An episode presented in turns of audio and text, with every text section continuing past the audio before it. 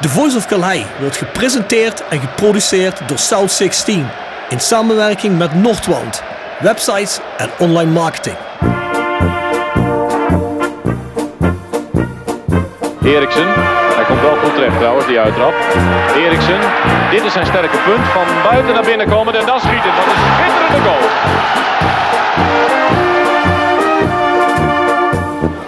Hansen. Hansen nog steeds. En hij zit erin ook zeg, maar Rempel.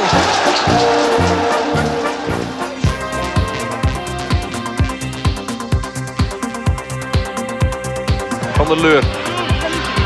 Arnold. Over de lijn, het is 1-1 of niet? Het is 1-1. Graham Arnold toch weer. De Australische tank. Let op Hansma. En dan is het Sibon die die bal teruglegt op Van der Leur. Hij ramt 3-1 binnen in de 49ste minuut. En dan is de wedstrijd verlopen. toch al zo lang in de club zit en door samen in geëerd werden. Daar hebben we veel niet voor gedaan, maar dat is zo gekomen is. Dat deed mij persoonlijk en ook aan het Hendricks enorm. geven. Hadouier als hij rustig blijft. Hij blijft rustig. Roda op 3-1. Ja, dat kon niet uitblijven. Vente komt vrij voor het doel. Kan Roda toeslaan. Goppel en die zit erin. Het is 3-2 voor Roda. Kwartier voor tijd.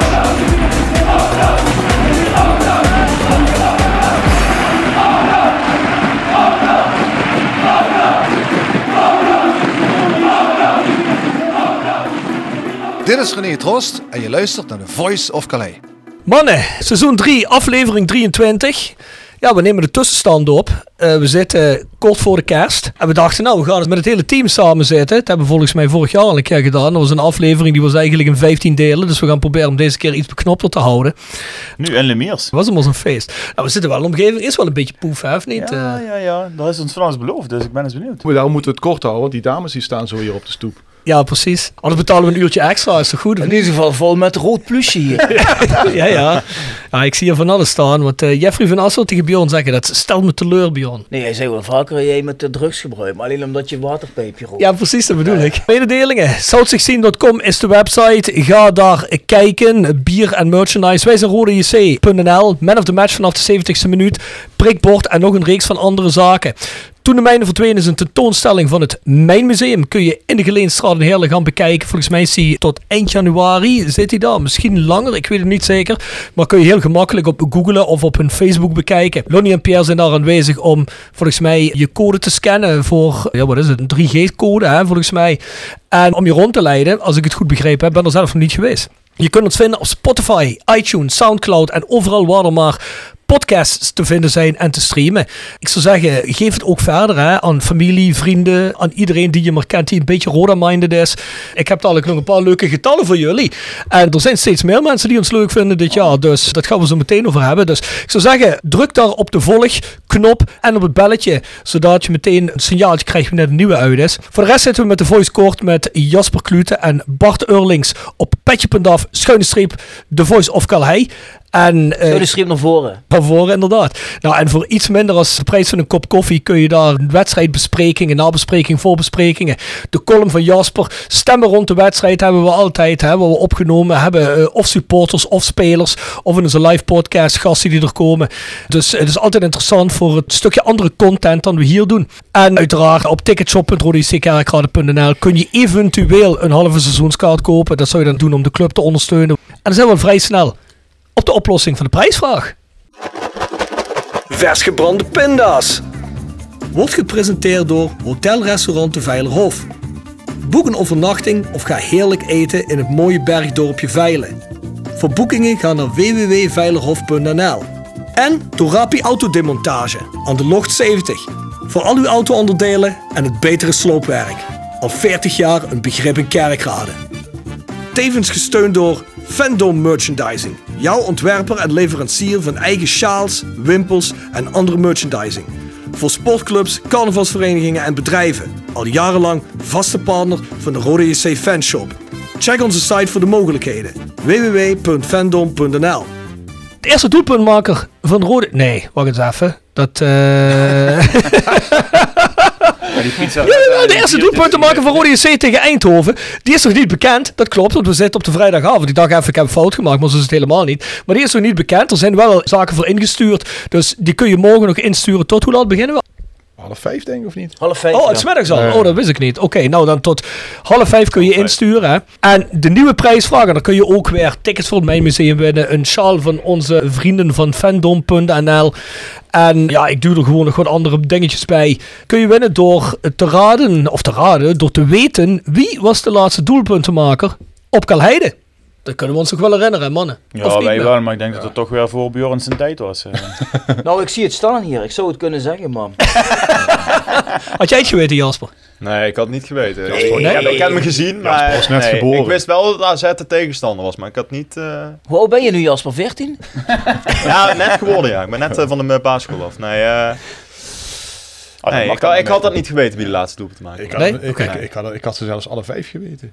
Nou, dat is mooi. Dan mag jij insturen, Bart. Ik kan je niet garanderen dat je iets gaat winnen, maar... eh, maar goed, mensen, stuur dat in. En dan kun je sturen naar de voice of Calais at south16.com. En voor de mensen die het nog altijd niet begrepen hebben, southxvi.com. Dan gaan we meteen naar de tip van de week. Tip van de week. Gepresenteerd door Jegers Advocaten. Ruist de Berenbroeklaan 12 in Heerlen. Hart voor weinig, nooit chagrijnig. www.jegersadvocaten.nl En Nextdoor Kapsalon, Nagel en Beauty Salon op de locht 44A8 te Kerkrade. En Roda Support, supporter van werk, de uitzendorganisatie rondom Roda JC waarbij de koempelmentaliteit centraal staat. Roda Support brengt werkgevers en werknemers met een hart voor Roda samen. Ben je op zoek naar talent of leuk werk in de regio? Kijk dan snel op www.rodasupport.nl of kom langs op onze vestiging in het Parkstad Limburg Stadion voor een kop koffie en een gesprek met Boris, Peter, Frank of Ben. Jasper, heb je een tipje voor ons? Ja, ik hoor net dat het gedateerd is om het te zeggen, maar ik zou toch nog een keer eh, Undercover aan willen ha- halen bij, eh, bij Netflix. Want ik heb niet zo heel veel tijd om eh, Netflix te kijken. Dus als ik het doe, dan is Undercover toch wel een serie die ik niet overslaap zondag. Ja, maar komt, eh, komt sowieso nu seizoen 3 vanuit in januari volgens mij. hè? Nee, is al is, al, Is al eh, is al uit. bezig. Is hij al uit? Ja, Ja, ja. ja. Oh, misschien-. Uit. Schijnbaar Duitse Netflix heeft hij pas op, op januari dan. Lopen zo Ja. achter hè, daar in Duitsland. Ja, Veel kritiek ja. gekregen, de serie. Laatste twee, even tenminste, het tweede seizoen was eh, matig, vonden heel veel mensen. Veel Belgen erin, te weinig Nederlanders. Is dat nou weer Eh een laag ferrygehalte, dat is natuurlijk een beetje de, de hoofdrolspeler. En nu in het derde seizoen komt hij weer terug. En hoe? Dus ik zou zeggen, kijken. Oké. Bart, Gomorra komt volgende Ja. week eh, het vij- vijfde seizoen heerlijk man. uit. Daar kijk ik echt naar uit. Dus dat Ja, wordt, eh, ik heb een weekje vakantie tussen kerst en oude nieuw. Dan heb ik hem volgens mij helemaal weer uit. Helaas. Maar. Dat vind ik ook topserie. Klopt, klopt. Ja. Mo?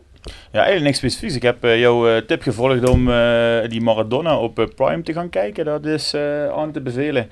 Ja, en ik heb eigenlijk de rest van de week toch moeten nagenieten van een ander sportevenement Ja. met Max. dus, maar niet alleen de race van afgelopen zondag, maar vooral ook de documentaires over de manier en de weg naar het wereldkampioenschap. Dat is toch wel heel erg cool. Het komt niet uit de lucht vallen als je dan ziet hoe Jos en Max dat samen hebben gedaan. Op van allerlei fronten. Dat vond ik heel erg cool. Ja, je die ook mooi dat je alle podcasts en zo, alles wat er ook maar voorbij komt, ik consumeer alles deze week. Nou ja, weet je wat ik had, Bart? Ehm, ik zei van tevoren tegen jou op, de- op een app, normaal, ik, bedoel, je- ik leef mee met Formule 1 heel erg, maar, eh, maar nooit zo als, als bij een voerwedstrijd voor Roda. Ehm, en ik moest toch eigenlijk toegeven dat ik, Ja. zeker door de manier waarop, ja, ik heb gewoon met tranen in de ogen gestaan in mijn Ja. woonkamer eh, op de manier waarop dit tot stand was gekomen. En die sporteuforie, ja, ik, die heeft heel klompen dans in Nederland ondertussen. Maar ik bedoel, ik heb dan toch iets, denk, iets meer van Formule 1 Ja. meegekregen de afgelopen 20 jaar eh, dan dat. Waardoor dat het me meer deed dan dat ik van tevoren gedacht had. Maar het was echt eh, uniek en eh, fantastisch. Ja, maximaal Ja. genieten. Ja, ik moet zeggen, ik had een eh, abonnementje gepakt op Sky in Duitsland. Daarvoor werd ik bijna in de grond gestampt door mijn buurman hier naast me, Bart Eurlings. Want Sky is de duivel volgens hem als het om Formule 1 gaat. Ah, Maar ik had, ik had gedacht, die Duitsers, daar vallen wel mee. Maar die zitten natuurlijk met Mercedes vuistdiep in natuurlijk. Hè. Dus eh, die waren ook een beetje teleurgesteld op het einde. Nou dus. ja, maar ik moet toch zeggen, ik heb, ik moet- wat Bart net zei, ik heb in alle commentaren en alle talen eh, Ja. eh, die laatste ronde eh, gekeken. Ja, dan zie je toch ook wel gave dingen. Of dat nu in het Engels of in het Duits of in het Frans is. Maar de het commentaar eh, wat er eh, kwam eh, in die laatste ronde. Ik bedoel, links of rechts, zo wat je ook vindt van die regel die er was. Het was spektakel alom. En dat past een beetje bij de nieuwe Formule 1. Het was eigenlijk de manier om dit seizoen af te sluiten. Ik snap als je de ene of de andere kant bent dat je het absoluut niet zo gewild had. En dat er zeker van alles op aan te merken. Maar qua beleving was dit natuurlijk het absolute summum wat er kon gebeuren. Ja, het moddergooien begon ook pas daarna. Want ik heb ook die hele uitzending van Sky Engeland, die heb ik ook helemaal teruggekregen met voor- en nabeschouwing. Daar viel het eigenlijk reuze mee. Eigenlijk het echte moddergooien kwam pas vanaf het moment dat Mercedes dat protest indiende. En alle commentaren dan weer daarop. En natuurlijk ook voorafgaand, de weken daarvoor afgaan. Maar rondom de race was het eigenlijk inderdaad heel goed, eh, heel goed te doen, eh, het Engelse commentaar. Even om het thema af te sluiten, man. Man van de dag bij die Formule 1 van jullie. Rijder van de dag? Bij die, bij die, bij die race. Ja. Latifi, hè? Ja. Nou ja, voor mij ook wel. Zat- eh, daar zat ik op te ja, wachten dat iemand dit ging zeggen. Ja, maar Perez ook. Perez, eh, Checo Perez. Want, want mensen zeggen, er zijn veel mensen die zeggen, het, het deed niet ter zake, want de safety car kwam. Maar het deed wel ter zake, want als hij dat niet had gedaan, dan had Hamilton een vrije pitstop gehad met de safety Absoluut. car. Dus Absoluut. het was cruciaal. En überhaupt om uh, Perez het hele seizoen wel eens verweten hebben dat hij dan toch net niet eh, de, tweede rijder Ja, eh, eh, was was. hij nu wel. Ja, het heeft hij nu eh, dubbel en dwars eh, terugbetaald. Het was, het was bijna een Rodi de Boertje in de laatste minuut tegen Den Bosch, om het zo maar eens, eh, te noemen. Maar nee, maar eh, serieus, Precies. dat was fantastisch. Ma- Max en Hamilton maakten allebei geen enkele fout. Ik kan me heel Ja. goed voorstellen dat Hamilton zich bestolen voelde. Deze race, het kampioenschap niet, maar deze race wel. Ja. Maar Hamilton was cruciaal. Of eh, sorry, Perez was cruciaal. Bjorn, heb jij nog iets? Ja, nee, volgende week maandag te begint seizoen 17 van Squirt Games.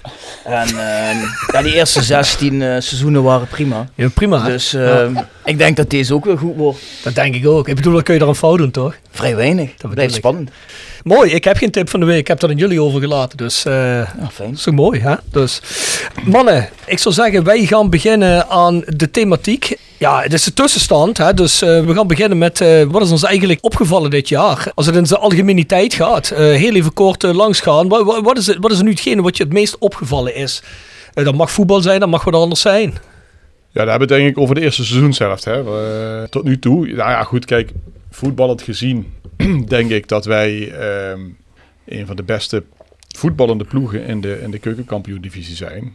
Eh, dat is denk ik geen geheim. Ik denk, we hebben dadelijk... Nee, we hebben er nu 19 gespeeld. We hebben alle tegenstanders een keer gehad. En ik kan me eigenlijk geen enkele tegenstander herinneren die ons gedomineerd heeft voetballend. Misschien Den Haag was, wa- was een wedstrijd die een beetje 50-50 was. Maar alle andere hebben we eigenlijk voetballend gedomineerd. Maar we staan, as we speak, zevende, achtste? Zevende. Zevende. Nou, dat, dat, dat, dat zegt genoeg. Hè? Eh, dus, dus er ontbreekt wat aan. We kunnen heel goed voetballen. Maar we zijn slecht eh, in het afronden van kansen. En we, zijn, we maken heel veel persoonlijke fouten in de verdediging. Eigenlijk, ik denk, alle vijf te verdedigen ingestelde spelers in het elftal, zijn maar dan inclusief de keeper, behalve Guus Joppe, die maken eigenlijk om de week, maakt er wel iemand gaat, gaat in de fout. Of, eh, of er wordt slap gedekt. Ja, dat valt mij voetballend op, dat wij een, een heel prima selectie hebben voetballend gezien. Ehm, maar dat er ja, op de cruciale plekken dingen ontbreken. Als we dan kijken naar de club, dan denk ik dat we met het aantrekken van Jordans Peters een hele goede zet hebben gedaan. Maar dat er nog steeds, en daar moeten Jordans wel even de tijd in geven, maar dat er nog steeds eigenlijk alles aan ontbreekt om op termijn op eigen benen te staan. Commercieel gezien is het nog steeds, heb ik nog niets gezien dat er veranderd is eh, qua organisatie. eh, niks eigenlijk. Alleen maar de dingen die gewijzigd zijn, die zijn eh, ten slechte gewijzigd tot nu toe. Nou, dan hebben we het over Van As gehad natuurlijk uiteraard. eh, maar ook, ook op menselijk vlak. Het sluiten van, van de fanshop eh, eigenlijk in grote mate. Dat gaat eigenlijk nog heel erg slecht. Het enige lichtpuntje op dat gebied dat ik eh, dit jaar, of dat half, half jaar kan ontdekken, is het aan, aanstellen van een op het oog hele goede AD. Ja, daar hebben we eigenlijk wel alles gedekt voor deze podcast, Ja, nou, denk ik. ja, En ja, praten ja, we ja, even ja, allemaal ja, samen. Dus, eh, dan- dan- Ja, dan trekken we- nog eens gezegd dat we elkaar een niet zo herhalen, dus eh, laten we dat ook niet doen. Eh, jongens, ik moest het kort houden, maar ik dit maar- voor doen kort. Ja, maar mooi, is jou iets anders opgevallen dit jaar? Als het even Nou niet over voetbal gaat. Ik sluit me wat voetballen aan bij Bart. De wisselvalligheid, we moeten even de frustratie dan nog noemen. Dat ik, je denkt elke keer weer eh, van je kunt aanhaken. Je hebt ook de kwaliteit om aan te haken. Eh, maar je bent niet in staat om een aantal wedstrijden achter elkaar te winnen. Eh, en daardoor eh, sta je nu waar je nu staat. Dus eh, daar, daar wil ik dat, dat verder bij laten. Ja goed, voor de rest, eh, als je naar de rest van, het, van ons leven kijkt. eh, eh, er is één ding, wat, of dat nu werk of privé of Roda... eh, gedomineerd heeft en telkens weer terugkomt. En dat is COVID. ik zou, bedoel, een van de dingen die ik het grootste mis in, het grootste gemis in mijn leven is dat ik niet op vrijdagavond met mijn vrienden de kroeg ga en vervolgens het stadion induik. En dat is dan maar één facet, maar wel een van de belangrijkste. En dat heeft natuurlijk zijn, zijn weerslag op, op ons hele leven en werken. Ik bedoel, uiteindelijk is dat hetgene waarom je ook uh, naar, naar Roda gaat. voor die kameraadschap en die vriendschap en het geouwe hoer. dat is onze manier van leven. En dan kun je wel thuis op de bank zitten.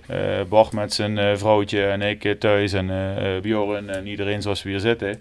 Maar uiteindelijk is dat niet de dimensie die je normaal hebt. Of je nou wint of verliest, of het goed weer of slecht weer is. Of je nou succesvol bent of niet. Dat hoort, er, hoort erbij en dat, dat mis ik. Dus als je zo'n dagen dan hebt, een paar, paar maanden of weken geleden Zoals dan tegen MV, dat je dus wel uh, nog eens een keer naar de kroeg kunt en met je vrienden uh, naar het stadion. Dan, dan krijgt hij ook alles wat, er, wat, wat het in zich heeft. Maar dat, dat, dat heb ik heel erg gemist afgelopen jaar. Ja, het was, we zagen het niet aankomen eigenlijk. Hè. Het was weer bijna ouderwets vond ik. Ja, ja. Dus het werd weer, uh, we gingen weer die kant op. met die bussen gewoon weer mee. Uh, wij waren ook weer trips naar Engeland het plannen en zo, wat we jaren niet gedaan hadden. Weet je wel, ook elk jaar met vrienden lang weekend weg. Uh, de mannen van uh, Watford hadden ons uitgenodigd om naar Newcastle te gaan. Weet je wel, dat soort dingen. Die missen. In ieder geval in mijn leven is dat een groot, groot gemis. Ja. En Jasper, jij als jongste van ons, wat is jouw... Die, die is die lockdowns inmiddels gewoon gewend natuurlijk. Dus voor hem ja, eigenlijk... Als, als, als de in de lockdown. Ja, nee, in studententijd is dat natuurlijk niet, uh, niet chill als je twee jaar al uh, verkwanseld hebt met, die, met die lockdowns. Maar uh, nee, ja, goed, heel simpel. toen we terugkwamen in het stadion in augustus, toen heerste daar echt een soort euforische sfeer. Of, ja, nog voordat je eigenlijk gewonnen had, elke wedstrijd was er wel een goede sfeer. En vond, vond ik heel positief altijd. zeker op West. Dat was echt een knalsfeer. En dan, ik merkte ook de wedstrijd volgens mij tegen Helmond Sport, wat volgens mij ook echt de laatste is dat we met publiek hebben gehad dat je gewoon uit bij Helmond met een, vol uitvak staat. Dat je daar ja, 90 minuten lang het springen, het zingen bent. Ja, dat was zo kicken. En eigenlijk als je dan twee, twee weken daarna gewoon alweer voor de zoveelste keer een leeg stadion met een vreselijke supportersband op de achtergrond hebt. Ja, dat, dat was natuurlijk wel drama. En ik heb ook het idee dat dat zijn weerslag heeft gehad op het elftal. Wat net een beetje de goede smaak te pakken had na Helmond. Want het was echt een goede wedstrijd. 0-3, dat had 0-7, 0-8 kunnen worden. En daarna krijg je wedstrijden, een reeks van Jong AZ, Jong Ajax. Ook MVV nog tussendoor, allemaal zonder publiek. Nu heeft dat waarschijnlijk wel geholpen dat het zonder publiek is geweest. Maar ja, waarin je eigenlijk gewoon ziet dat het elftal uh, ziender ogen weer achteruit het gaan is. Terwijl ze juist op het krabbelen waren. En ik had een hele goede hoop dat, dat we in november een slag zouden slaan. En eigenlijk is november juist de, de slechtste maand geworden uiteindelijk. December, hopelijk laten als we morgen winnen, dat, dat we het goed afsluiten. Maar al met al een positieve vibe aan het begin van het seizoen, die toch helaas weer om is geslagen naar iets negatiefs. Zie je dat ook zo, Bjorn? Ja, goed, wat mij gewoon het meeste blij blijven, en dat vind ik best wel frustrerend. Je hebt erbij gezeten, want we hebben natuurlijk in de aanloop naar dit seizoen uh, wekenlang podcast gemaakt. We riepen, doe nou dat uh, budget niet terug van die 1,9 naar die 1,5. Want dan ga je dadelijk uh, op het veld de klappen weer krijgen. Dat moeten we nou net niet doen. En ik denk dat je nu wel kunt zien dat als je die 3, 4 ton meer had gehad dan had je nu waarschijnlijk je kunnen mengen in de strijd om rechtstreekse promotie. En dat blijf ik gewoon uh, heel erg zonde vinden. Want ik geloof uh, niet dat dit elftal heel veel tekort komt. Ik denk als je er misschien in de as twee hele goede spelers bij zet, dan, uh, dan had je een hele hoop wedstrijden wel naar je toe getrokken die je nu net niet naar je toe getrokken hebt ik blijf dat uit economisch oogpunt ook uh, ja, een hele vervelende keuze vinden. Volgens mij zaten we hier vorig jaar kerst, dezezelfde groep bij elkaar. Um, en toen hebben we volgens mij precies hetzelfde gezegd. Um, um, als je met een paar van die gasten in de Phoenix groep het wel doet, en we blijven het roepen en we blijven het herhalen. Maar de afgelopen jaar, afgelopen seizoen is het ook nog gebleken. Als je kijkt naar de nivellering in die league waar we nu in zitten, dan had je met die uh, relatief kleine investeringen uh, al was het budget bijna gelijk gebleven, dan had je gewoon mee kunnen doen inderdaad. Om die, uh, die Stilstand was vooruitgang geweest. En dan had je dat plan uh, 8-5-2 wel zonder dat je daar toeval of zo voor nodig had kunnen realiseren. Mm -hmm. En dat is denk ik de frustratie die, die Bjorn terecht noemt. Ja, Hey man, dan gaan we zo meteen nog heel even op door. Vooral op dat uh, einde waar uh, Mo en uh, Bjorn nou over hebben. Want ik denk dat dat toch wel het meest relevant is op dit moment. Omdat dat zijn weerslag heeft op alles wat er op het moment toch zeker speltechnisch gebeurt. voordat we erheen gaan, heel even een kleine tussenbalans voor de Voice of Calhei. Nou, zouden we een paar getallen doorgooien, mannen? Ja, ik ben, ik ben ook benieuwd.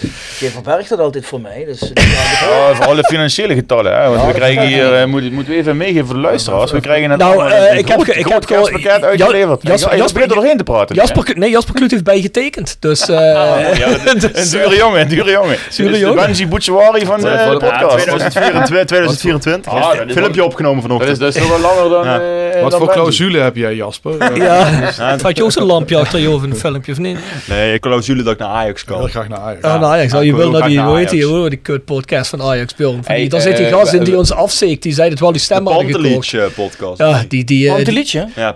Hey, hele kleine tussenstand. eh, op Soundcloud zijn wij 76% gegroeid wat de plays aangaat, dus wat de streams aangaat. Dat is best een grote groei, zou ik durven zeggen.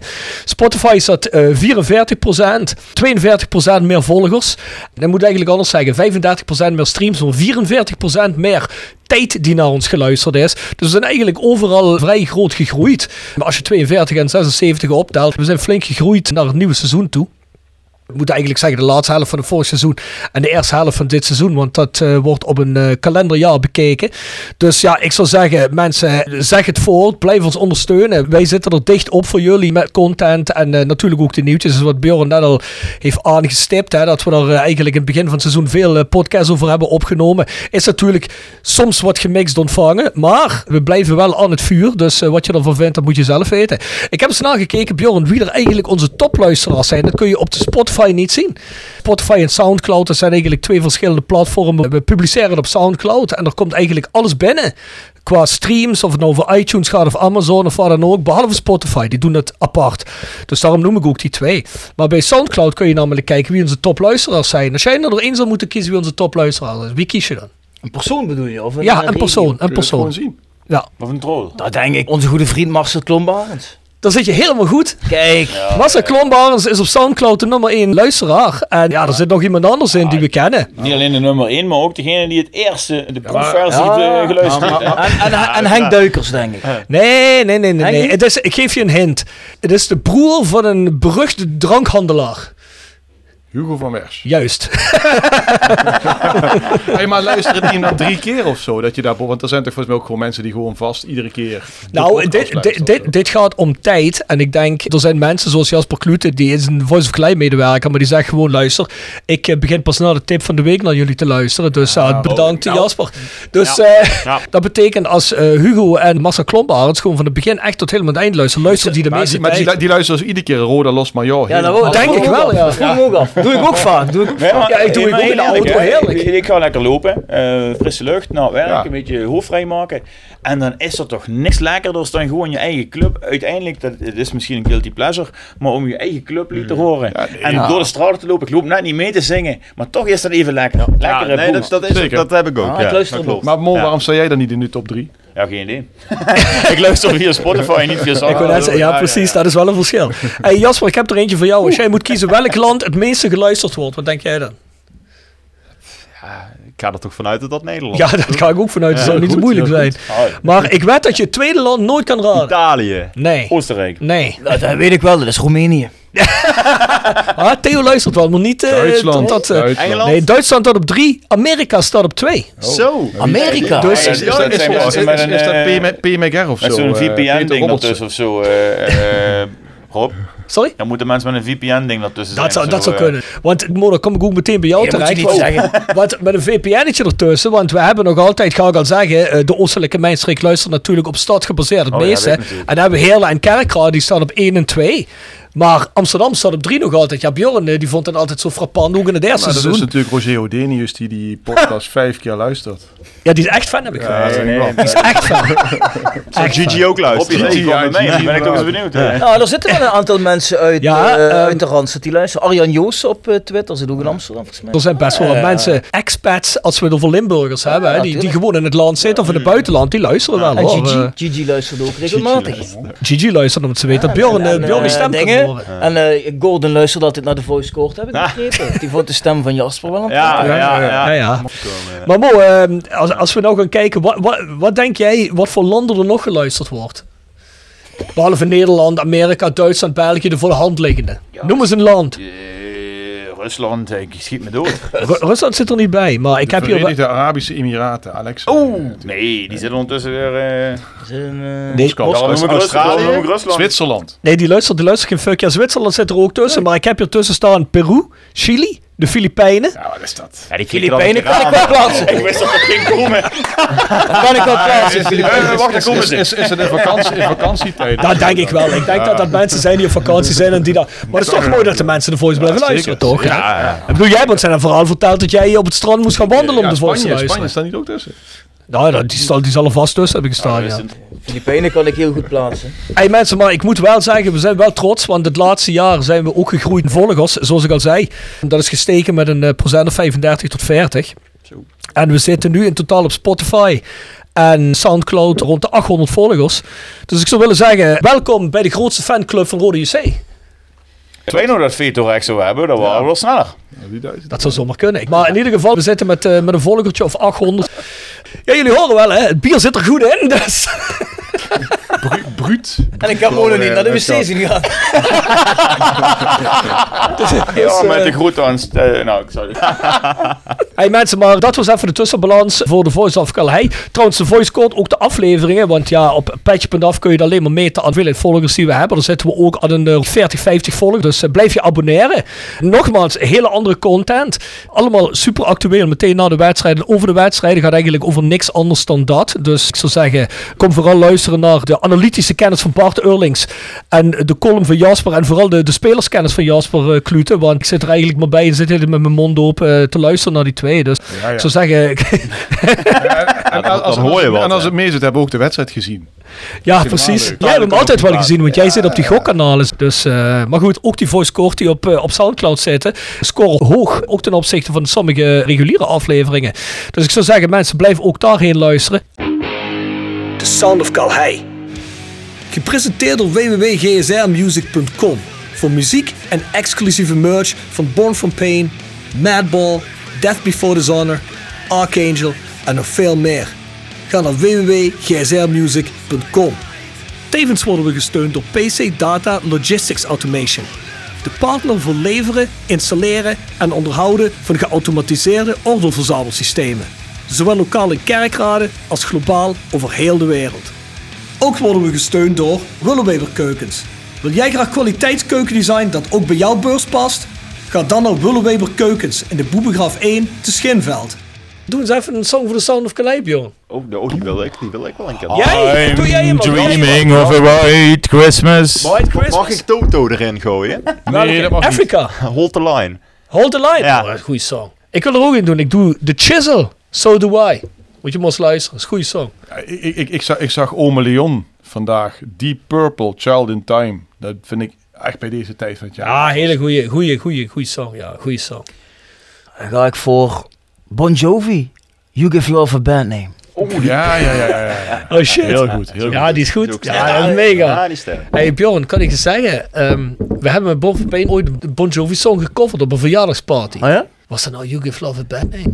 Nee, dat was anders. Dat was... eh ik hoor het verschil toch niet. Ik was een jaar of tien, was eh, de LP... Living on a Prayer was Living dat. on a Prayer was de eerste LP die ik kocht ooit. Slippery als jongetje. When Wet? Slippery When Wet van Bon Jovi. Ja, maar is ook een, moet ik je zeggen, Mega. Bjorn? Ik hou wel, we, we houden allebei van harde muziek, hè, maar dat is toch wel echt een hele goeie. Dat is een hele goeie. Voetbaltechnisch wordt net al ingeleid door eigenlijk vrijwel iedereen. Daar wil ik ook weer een beetje aanzetten dat we Bjorn mogen gestopt zijn. We hebben het gehad over, kijk, als we daar een paar ton meer in stoppen, dan waren we wellicht dit seizoen spekkoper geweest, waar heel veel clubs achteruit moeten in plaats van vooruit, of stil blijven staan. Zelfs als waren wij stil blijven staan qua budget, hadden we een ton of vier, vijf meer gehad. Dan hadden we wellicht Patrick Vloek al vroeg kunnen verlengen. We hadden wellicht wat meer spelers erbij kunnen halen, want ja, iemand eh, die het wil pakken, pak het maar op. Maar ik denk dat het nu wel heel duidelijk wordt dat onze selectie wel heel dun is als het niet van die eerste 11, 12 jongens moet komen. Ja, niet alleen de selectie, het hele principe voor de hele organisatie. Nogmaals, volgens mij vallen we weer in herhaling tegenover een verhaaltje wat we al jarenlang vertellen. Als jij gewoon investeert, zoals je in een normaal bedrijf investeert, eh, je wil iets bereiken, je kunt wel zeggen ik wil meer commerciële inkomsten halen, eh, maar ik blijf dat met dezelfde 2,5 paardenkop doen, dan gaat dat niet gebeuren.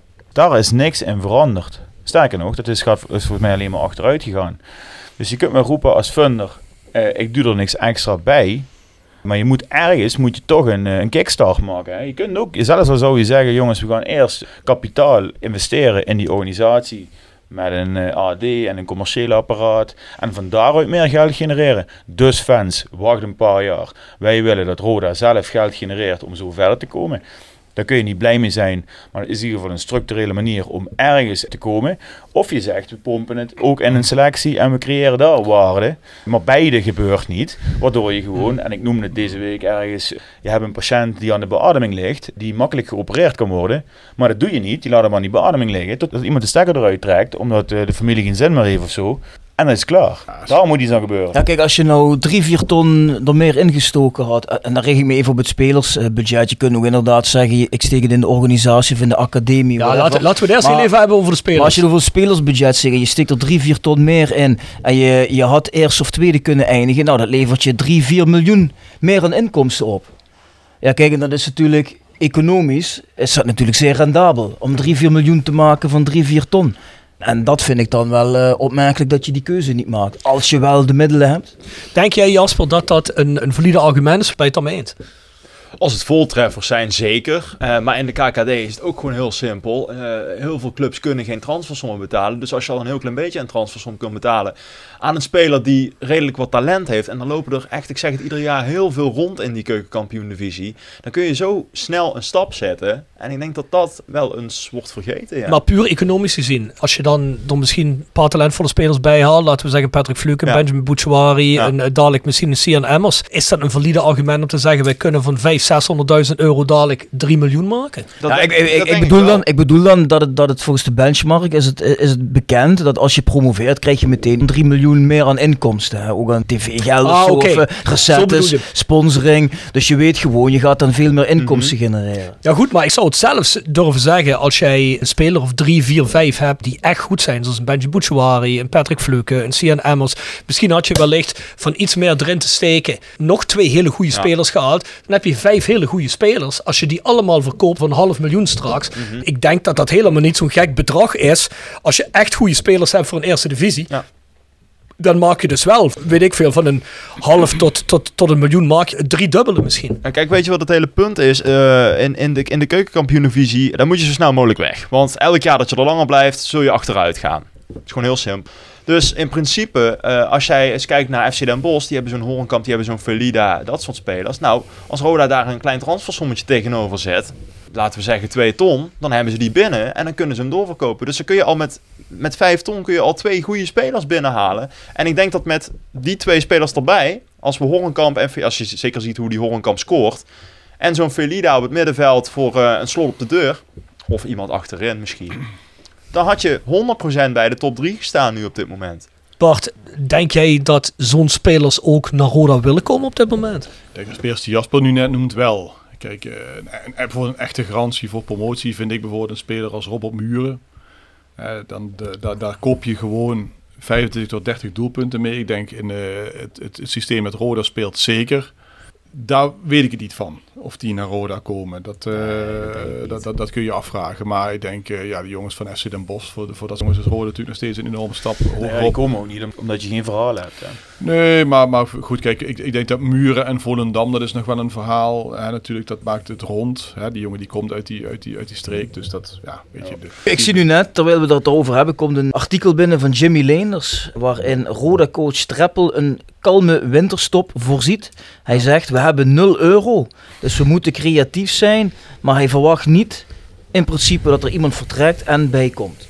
Nou, ja, Ja. nou, het vertrekt, dat mag ik hopen van niet. Of er Ja. moet iemand van de bank zijn op dit moment, maar ik kan me niet voorstellen dat er iemand daarop zit te wachten. Ja, misschien Seintje terugsturen naar je Ja. het gaat hier met name over kunnen. Fluke, waarvan Ja. Streppel zegt dat hij verwacht dat hij tot het einde van het seizoen... Ja, dat denk ik e- eerlijk gezegd ook. Ja, maar heel even daarover. Hè.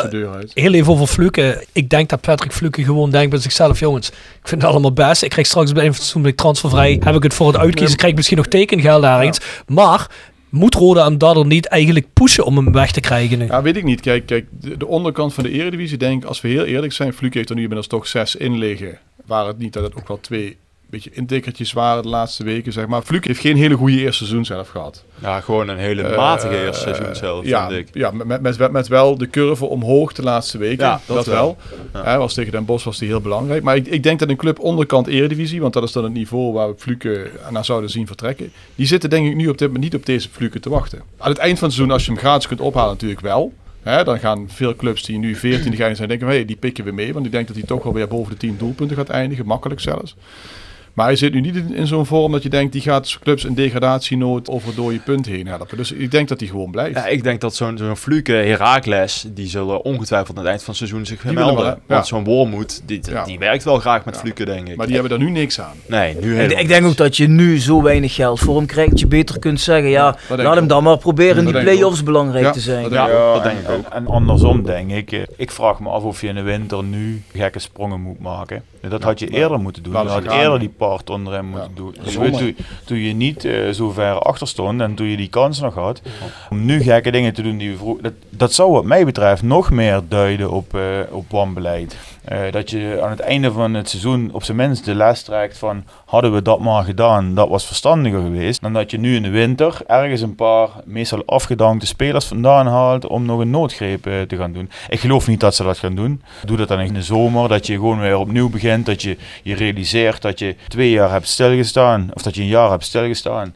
En, en, en ga dan weer eh, vooruitkijken. Dat zou de beste tactiek zijn in mijn optiek. Ik kwam, ik kwam ook echt wat, wat de constructie zou zijn als je Fluke nu verkoopt. Hè, betekent dat dat je dan... Ah, hoeveel krijg je voor zo'n jongen? Ik denk dat je eh, twee, 2,5 ton, dat het echt max is voor een Ah, half ik denk jaar. dat je niet eens meer krijgt. Ja, Nee, nu- dus, nu dus, dus, dus, dus, dus, dus dat levert je helemaal niets. Daar ga je zelf niets voor terughalen dat beter is. Nee. Nee. En ik vraag me af hoe die constructie met de funders is. Stel je krijgt daar nu 2 ton voor. Betekent dat dat Rode die 2 ton kan investeren. Hè, dus dat je daar bijvoorbeeld twee goede spelers voor kunt terughalen. Dan kan het nog het overwegen waard zijn. Maar als dat 2 ton zijn die je niet uitgeeft. En die vervolgens gewoon de, de, de bijdrage van de funders verlagen. Ja, dan zou ik het sowieso. Nou, het sowieso nou Bart, Bjorn zat erbij en jullie hebben het allemaal gehoord. We weten wat Martijn Wismans over zei toen we diezelfde Ja, vraag precies, precies. hè? Dat was met die sponsor toen. eh. Ja, precies. Nee, die zei gewoon nee, dat gaat niet naar de spelers. Nee, dat zei ja, hij letterlijk. Dus, dus, dus dan zou ik het sowieso niet doen. Nee, behalve dat je nog zou kunnen overwegen, ik verkoop hem dan en, en ik zet Seintje op die plek. Die kan dan bijvoorbeeld van links naar binnen komen. Ja, moet je wel de bal aan. Is dat geen optie? Ik, ik, ik, ik, ik, ik vind dat we een centje moeten sparen, eh, eerlijk gezegd. Na woensdag. Ik, Ja. ik, ik vond er weer zo'n... Zo'n, ja, ik wil dat toch hier even be- benadrukt hebben. Weer zo'n kansloze Twitterberichtjes Ja. eh, van mensen die privéberichten naar die jongen gaan sturen. En denk van, Privéberichten naar die Ja, jongen gaan sturen. Ja, zodat iemand met, met, met het, film, het Ja, filmpje ja, waar hij die maar. bal verkeerd aanneemt. Dan denk ik van, jongens, jongens, jongens. Wat, Serieus? Wat, wat een niveau. Heeft nou niemand iets geleerd uit het verhaal Giuliano van Velzen? is dat gewoon belachelijk? persoonlijk, terwijl je een, een trainer moet aankijken op de totale aanpak voor die wedstrijd. Dan mag je wat mij betreft wel iets van vinden. We hadden het er net over en wij zijn het volgens mij allemaal erover eens dat je er best mee zou kunnen leven. Dat je als Jurgen Streppel zegt, eh, ik heb een hele smalle selectie. Ik zie wat dingetjes in het team. Eh, mensen zijn niet helemaal fit of mensen zijn niet helemaal in vorm. Ik ga wat andere dingen proberen. Je hoeft die KNVB-beker niet in de camera af te zeiken. Maar je kunt wel gewoon realistisch zijn als eh, keukenkampioen divisieclub. En dat zeggen. En zeggen van ik ga met Luke Hamers beginnen. En ik ga met uh, Schoonbrood beginnen. En ik ga wat mensen wisselen. En ik ga wat mensen sparen. Zonder dat je tekort doet aan de, de belangrijkheid van het toernooi. Maar nu blijf je tot drie dagen daarna volhouden. Dat de beker belangrijk is. Dat, en dat vind ik eh, schrijnend. Ja, je kunt toch gewoon zeggen, mensen we hebben het al moeilijk genoeg in de competitie. Ik heb een dunne selectie. Precies. Ik wil de jongens sparen voor zaterdag, want dat is belangrijker. Daar zegt niemand op, oh dat is raar. Dat had iedereen heel normaal gevonden. Ja, Ik denk werkelijk inderdaad dat niemand dat erg had gevonden als je had gezegd, go ahead nemen we niet serieus. We, richten de pijlen op FC Eindhoven. En eh, weet je, als we in de Eredivisie komen een keer, dan, dan is die beker weer Ja, en, vragen, zo, weet zo, je. zo be it. Als er al mensen iets van vinden, dan ben je in ieder geval gewoon straightforward en eerlijk. En nu proeft iedereen, of hij het er nou voor, of hij het mee eens of niet mee eens is. Ja. Dit is gewoon een bullshit verhaal. Klopt. Maar als we het nou hebben over wat zou er nou eigenlijk, als je in de winter, misschien niet eens in de winter, maar straks op het eind van het seizoen, als er iets bij moet, wat liggen onze pijnpunten op dit moment? Ik denk dat dat wel net door Bart al helemaal in het begin enige zaken genoemd zijn, maar als je nou één positie zou moeten kiezen waar het de meeste prioriteit ligt, wat kies je dan, Bjorn? Ja, we hebben ook een mail gekregen van Jens Horbach met een aantal vragen. En Jens zegt aan iedereen, op welke positie moet Roda zeker versterkt worden volgens jullie? Zelf denk ik aan een nieuwe keeper en een tweede spits. Ja, ik denk dat Roda geen nieuwe keeper gaat halen. Omdat Rodi de Boer volgens mij voor drie jaar getekend heeft. En ik, ik denk dat Rodi de Boer ook wel een van de grote aankopen is wat dat betreft. Ik denk niet dat dat een van de goedkoopste jongens zal zijn, want daar hebben ze heel veel moeite voor gedaan om hem te krijgen. Dus ik kan me niet voorstellen dat Roda nu een dure, betere keeper gaat halen en dan Rodi de Boer twee op de bank zet. Eh, dat zie ik niet gebeuren. Dus ik zou sowieso voor een spits gaan, omdat als Dylan Vente wat gebeurt, dan heb je helemaal niemand meer. Dat klopt. En dan zou je denk ik moeten kiezen voor ofwel een goede centrale verdediger, ofwel echt een hele goede speler naast eh, Benji. Ja. ja, je noemt Vente. Ik, ik denk eerst, zeg maar, als, ik echt naar de eerste elf kijk, hè, zeg maar, dus, dus, dus niet naar de breedte van de selectie, maar van wat hebben we voor niveau als eerste elf die je kunt opstellen, waar zou je dan willen versterken, dan zou ik niet naar de spitspositie kijken nog. Maar dan zou ik dus wel naar de keeper kijken of het centrale duo achterin.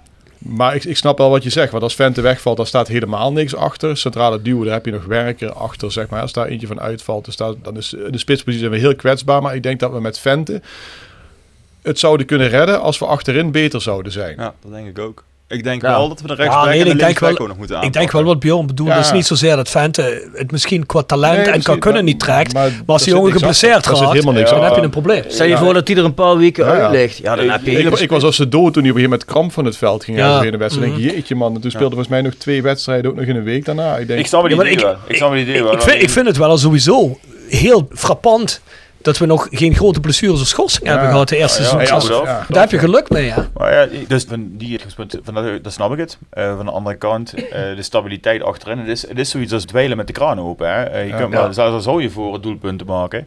Je bent zo onstabiel en dat veroorzaakt volgens mij ook die wisselvalligheid de hele tijd.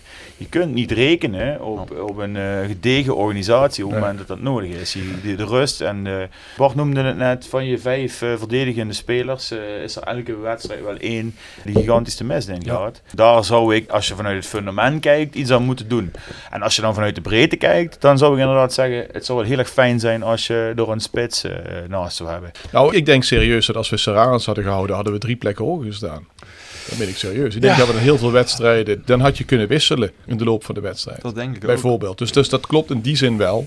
Ja, dat heeft dan niks met Vente te maken. Ja, Vente heeft natuurlijk ook veel wedstrijden niet geleverd. Eh, maar het lag niet aan zijn inzet of aan zijn... eh, zijn... Ik denk dat Serarens, hoe we dit seizoen spelen, dat hij er al redelijk wat aan in liggen. Ja, dat denk ik ook. Dat denk ik Ja. ook. Want dan had je hem heel vaak na een uur voor Vente ingebracht. En als je Ja. ziet hoe die bijvoorbeeld bij Telstar eigenlijk die winnende. En Ja. dat had hij vorig jaar ook een paar keer. Ja. Gewoon echt, die kan zo'n bal binnenlepelen ineens op de een Ja. of andere manier. Die, die Ja. heeft wat kopkracht. Vente is dan degene die in een voetbal een team kunt gebruiken. En Serrarens kun je Ja. gebruiken als je, eh, als je die bal naar Ja. voren Ja. moet jagen. En nu ben je dat ding kwijt. Als je onder druk staat bijvoorbeeld ook hè. En plus, Dylan voelt dan achter zich iemand Ook- die ook ligt dat. te duwen. hè. Ook dat, ja. En zeker als hij, als hij dan ook nog in die laatste half uur nog telkens de treffertjes maakt, dan ga je toch nog meer gas geven. En hij heeft gewoon geen club, hè. Serrarens. Ons werd vrij recent toegedragen dat ook Fabian Serarens eigenlijk een beetje door de club eigenlijk toch wel toegedragen is dat hij moest verdwijnen. Daar moesten we een zesde assistent-trainer voor halen natuurlijk voor dat geld. Ik heb gehoord dat hij echt weg wilde nadat het met Van As gebarsten is. Ja? Dat hij echt, echt weg wilde. Ja, er zal ook wel een breuk in zijn Ja. gekomen op die manier. Maar de reden dat je weg wil als zo'n persoon weggaat, betekent ook dat je niet heel veel vertrouwen hebt in de rest van de technische staf natuurlijk. Nee, dat denk ik ook. Ik Want als je daar veel vertrouwen in hebt, zeg je oké, Jeffrey is weg, maar de rest heb ik ook vertrouwen in, dus het boeit niet zo. Nee, maar dat is ook wel een feit voor algemene bekende dat Serrarens niet echt met Streppel door een deur goed kon. Nee. Dat geldt voor Mark Nee, Reemans maar- Dus die twee, ja, die stonden wel op de nominatie om te vertrekken. En dat kan, alleen ja, is wel zorgelijk dat je dan een centje ervoor terughaalt. En daar hebben we helaas nog niks van gezien. Maar ja, dan heb je twee spitsen laten gaan Ja. die wel een doelpuntje kunnen Maar ja, maken. bij, bij Jad Serraris vorig jaar in het seizoen zelf erop staan. En dan haal je de winterstop, haal je Vente. En die is niet eens fit. En die ga je in de basis zetten. Dus dat betekent iets van hoe je tegen Serraris Ja, maar dat- die jongen weg wilt, snap ik. Ja, precies. Maar Ja. dat is een rode draad. Een beetje ook door, daar komen ze meteen nog op op het organisatorische bureau. Maar de rode draad die ik zie dit seizoen en ook vorig seizoen is...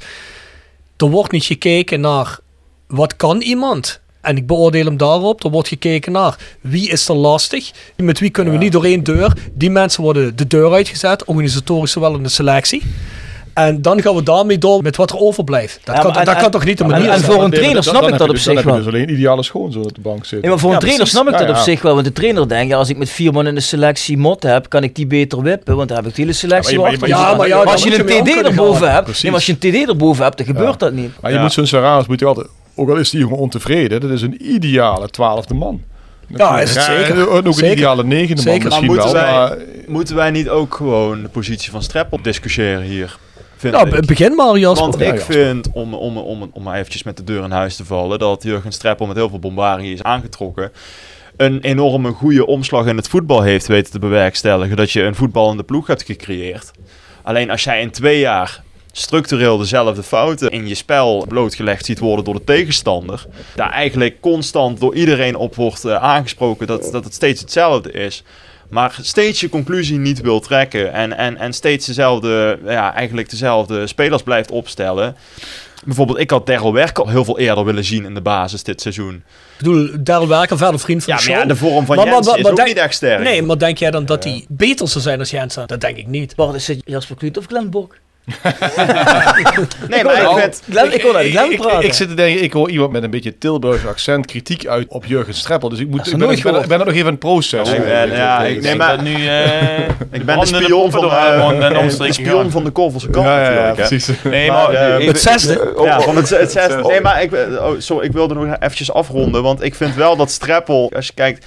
Misschien is hij ook wel te hard voor bepaalde spelers.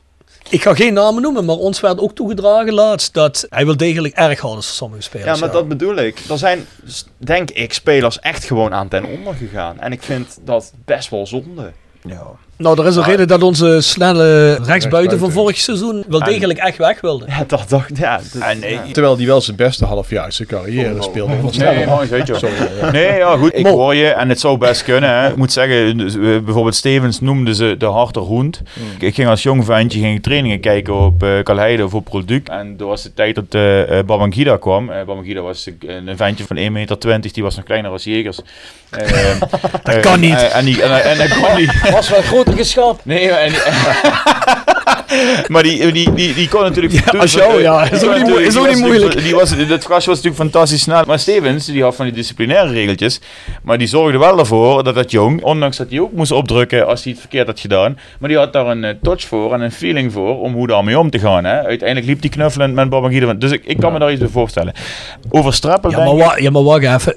Je, bedo- je bedoelt nou dat het ook anders kan, bedoel je? Nou ja, ik bedoel dus, je kunt wel een hele harde trainer zijn op allerlei dingen. Maar je moet Eh, een je balans kunt toch hebben. uiteindelijk eh, de Ja. touch hebben van hey, ik moet Goppie maar eventjes onder de arm ja. pakken, ik kan hem hier de grond in stampen. Maar dat jochie heeft het nodig, het heeft Hansen niet nodig om een schouderklopje te krijgen. Die denkt, coach had gelijk, een Goppie of eh, Baba die moest je even onder de arm pakken. Kijk, Dat kan me voorstellen. Ik denk bij Streppel, en ik geef hem daar iets meer credit dan nog voor, eh, nog het voordeel van de twijfel. En dat ligt dan weer meer aan het beleid van Roda, dat je die vent een positie geeft waarin die helemaal zelfstandig alles kan bepalen. Ja. Wat je dus ziet is dat Jurgen Streppel in principe volgens mij best een goede trainer zou kunnen zijn. Maar als jij dus een club bent die de ambitie uitspreekt om naar de eredivisie te gaan, eh, dan moet je ook een navenante organisatie daarvoor gaan neerzetten. En dan kun je niet zeggen, we leggen alles in handen van de trainer Jurgen Streppel. Nu heb je dus een Twan van Mierlo, die is verantwoordelijk voor scouting. Je hebt Danny Volkers, die is verantwoordelijk voor de jeugd. Je hebt iemand nodig die verantwoordelijk is voor het eerste. En je hebt iemand nodig die daarboven staat in een professionele organisatie die steeds beter wil worden. Die die hele lijn, die hele beleidslijn in de gaten moet houden. Nu kan Jurgen Streppel in feite als god acteren en doen en laten wat hij wil. Er is niemand die op maandagmorgen, zoals Jasper Precies. net zei, met een goppie, zeggen van, hé, hey, ik zag je trainen met goppie. Je geeft die gas hartstikke op de kloten. Je hebt in de basis gelijk, maar je moet die jongens even een schouderklopje geven. Of wat dan ook, of op tactiek, of op opstelling. Dan kon je normaal met een Jeffrey van As op maandagmorgen even gaan zitten, een kopje koffie drinken en elkaar een spiegel voorhouden. Dat gebeurt niet. Ik denk, in welke organisatie dan ook, hè, of dat nu een eh, voetbalclub is of een bedrijf is, dat je dat nodig hebt. Dat je mensen nodig hebt die een spiegel voorhouden om je scherp te houden en om je beter te maken. Ik sprak laatst een jeugdspeler van Willem II uit de tijd dat Streppel daar met de scepter zwaaide. En dat was toen ook als TD en trainer tegelijk. En hij zei op het moment dat hij als alleenheerser ging acteren, toen ging het mis met Willem II. Toen zag je ook in het laatste seizoen van hem dat ze bijna degradeerden. Was toen in die na-competitie tegen NAC. Die eh, Hij wil de namen Jasper. Namen. kan ik helaas niet geven, maar... Joris wel- Peters. Maar, Nee, maar, was een- Ja- dat was maar een Jasper, oude- Jasper zit die jongen nu Willem 2-6 of? Nee, die, dat niet. nee die, eh, die zit bij Dongen nu, bij de amateurvereniging. Oh, dat vinden we wel leuk. Dan, is, hè? dan is die goed terechtgekomen. Maar goed, Prijsvraag nummer twee. Als je de naam kunt insturen, krijg je een voor zijn Nee. shirt. Maar, maar, maar dat is natuurlijk inderdaad, wat Mo zegt, absoluut geen gezonde situatie. Het heeft nou wel één keer goed uitgepakt. Want ik denk dat als Jurgen Streppel niet de naam naam van Jordan Peters had genoemd bij de funders, dan was Jordan Peters nooit AD van Rode geworden. Dan hadden ze weer een type Wismans aangetrokken. Dus daar even nog even goed uitgepakt. Maar dat is de discussie niet, denk ik. Maar de gezonde situatie is het natuurlijk niet. Ja, maar ook even historisch. Want ik, want ik, hoor, ik hoor Jasper nu zeggen, toen hij die dubbelfunctie ging vervullen, toen ging het mis. Ik heb altijd van mensen horen zeggen, die zeggen van, ja, ze zijn ook gepromoveerd Nee. Op dat moment. Nee, Nee. was het toen, Nee, een, toen toen, was een TD. Ja, toen was Mark van Hintem nog steeds uh, Ah, charge. oké. Oh ja, van Hinton, ja. Ja, en- Luister, deze jongen is de databank Ja, van ja. spelers en alles. Dus, eh, Nee, dan maar ik, ik, ga daar gelijk blind vanuit. Maar, Maar dat eh, soort dubbelrollen denk ik dat in het algemeen gewoon gevaarlijk zijn. Hè? Dat je iemand dus gewoon. Ja, maar een, natuurlijk. eh, die, krijgt gewoon, die krijgt gewoon een macht. ja, trek Eh, die historie en dan maar op na. Alex Pastoor bijvoorbeeld bij Sparta ook. Hè? Ook, ook eh, ten onder Jongens, Ja, maar, ja, maar, zijn Mo, selectie. maar Mo, jij omringt je toch ook veel met ja-knikken? bent toch... Nee, het, het tegenovergestelde. Ja? Ik word elke dag beter. Ja, maar dat doe je dan fout, want ik zit in de band. Ik heb eigenlijk elke functie in de band. Manager, tourmanager, bandleider. Dus Eh, ik ben gewoon een despoot. Ik word jij helemaal niet... Zonder eh, ouderij. jij, jij kijkt ehm, ja tegen jezelf op. ja, dat is heerlijk. Zonder, oude, zonder ouderij, ik neem mensen aan, welke functie dan ook, waarbij ik zeg, als ik jou aanneem met mijn managementteam, dan ga ik ervan uit dat je in potentie beter bent dan ik. Dat maakt mijn eigen leven makkelijker. En ik moet ervoor zorgen dat er, eh, dus als ooit een, een mogelijkheid voor mij komt, moet ik makkelijk een stap kunnen maken en aan jou kunnen overlaten. En het maakt mijn eigen leven en de dagelijkse gang van zaken maakt een stuk makkelijker. Kijk, Mo doet dat heel slim. Die zegt, als ik op vakantie ga en ik wil twee weken langer blijven, kan ik dat gewoon overlaten Ja, maar daarom is Mo assistent. ook zoveel op vakantie. Ja, dat doet hij echt goed. Nee, maar, dat- maar serieus, dat is natuurlijk wel een gezonde situatie. En we hebben het al eens op een app gezegd. De mensen die zich omringen door mensen die ja-knikkers zijn en die waarvan ze weten dat ze geen weerwoord krijgen of niet zoveel potentiële kennis hebben of, of talent als hun. Dat zijn gewoon mensen die zwak in persoonlijkheid zijn en zwak in leiderschap. Je wil je omringen met sterke mensen. Als je dat niet doet, dan zit er iets in je persoonlijkheid die bang is om op de een of andere manier op zijn bek te gaan. Maar dat kun je toch niet gebruiken bij een voetbalvereniging? maar dat- Maar zo, zitten, maar- zo ja. zitten wij toch hier ook, hè? We hebben allemaal onze kwaliteiten. Ja, ik weet, Bjorn vindt dat moeilijk om dat toe te geven. Maar iedereen heeft dat. Ja, maar die heeft ze ook Eh, niet. Jasper en eh, Bart, die, zijn- die zijn analytisch sterk. Jasper is een eh, database eh, van ons. Bjorn weet niks na 1990. Ja, maar dat is helemaal niet erg. Daarom, 2000. da- daarom doen wij wat wij doen. Daarom doen wij oudspelers. Eh, en doen die mannen de voice score. De voice score dag op een gegeven moment. Ja, ik zit in het weekend, dan heb ik het vaak heel erg zwaar. Ik kan me helemaal niet meer zoveel herinneren van een wedstrijd. En dan kan ik helemaal niet mee met die analisten. Laat staan dat ik op tijd ben voor die podcast. Maar zo kijk je dus ernaar dat je elkaars krachten kunt gebruiken. Zitten we toch hier? Ja, Rob kan goed Ja, editen. Heb je Oh geluisterd? ja, Rob. Rob is onze grote grote organisator. Oei, Maurice, je hebt wel een keertje meegedaan volgens mij, hè? Telstar uit toen. Toen was ik op vakantie. Ja, was. maar, Ja. Nou, ik weet wel dat Bart altijd geroemd wordt in e-mails naar de Voice of Calais om zijn fantastisch analytisch vermogen. Hey, maar waarom stuur je mij die e-mails nooit door? Ja, dat man? hoef je niet te weten. Dat krijg je bij je evaluatiegesprek. en, hey, en Mo wordt altijd geroemd omdat hij zo ehm genuanceerd is. Ja, eh, iets wat genuanceerd. Dat was ja. toch echt wel het grootste compliment van Oh, hoe, hoe 2021. lang is inmiddels dat briefje met allemaal woorden die jij niet mag gebruiken? Ja, Varkens, komt, kop, komt daar nog een mooi. Mo, verhaal. Mo, eh. Mo heeft een lijst van dingen die hij niet mag zeggen opgeschreven. Mo dus twittert ook altijd heel, heel genuanceerd. volgens mij heeft hij die lijst al overschreden, maar daar gaan we wel niet over Vooral, in. vooral voor drie uur 's middags. Maar mensen, luister heel even. Waar we eigenlijk waren gestart, ik denk dat iedereen een valide punt heeft gemaakt. Maar als je nu drie posities mogen kiezen, waar we een verbetering maken in het team, met de grootste prioriteit. Ik zal even erop vooruit lopen. Ik ga dit elftal uit van het principe, daar zou ik eigenlijk altijd vanuit gaan, dat kun je conservatief noemen of niet, met het principe Huub Stevens. Mo haalde hem net al aan, die nul moest stehen. Als je achterin dicht houdt en je geeft niks weg, dat gaf je ook goed al aan in de voice court, Jasper, bij Go Ahead Eagles vorig Ja, jaar, ja. kun je in ieder geval niet verliezen. Dus daar heb je in ieder geval al een punt. Daar ga ik vanuit. Dus ik zou, als ik drie posities mocht kiezen, zou ik in ieder geval achterin twee mensen halen. In ieder geval een oude rot die de verdediging goed kan organiseren en veel zelfvertrouwen kan geven. Hoe staan jullie erin, mannen? Ja, twee centrale erbij en een rechtsback, zou ik zeggen. Dus jij zou alle drie de Ik posities in achterin invullen? doen. Ja, dan, Ja. zou ik, dan zou ik toch met Bjorn meegaan. Eh, als ik er drie mocht kiezen, dan zou ik voor centraal gaan. Centraal waar? Centrale verdediging, een aanvaller erbij en toch een keeper.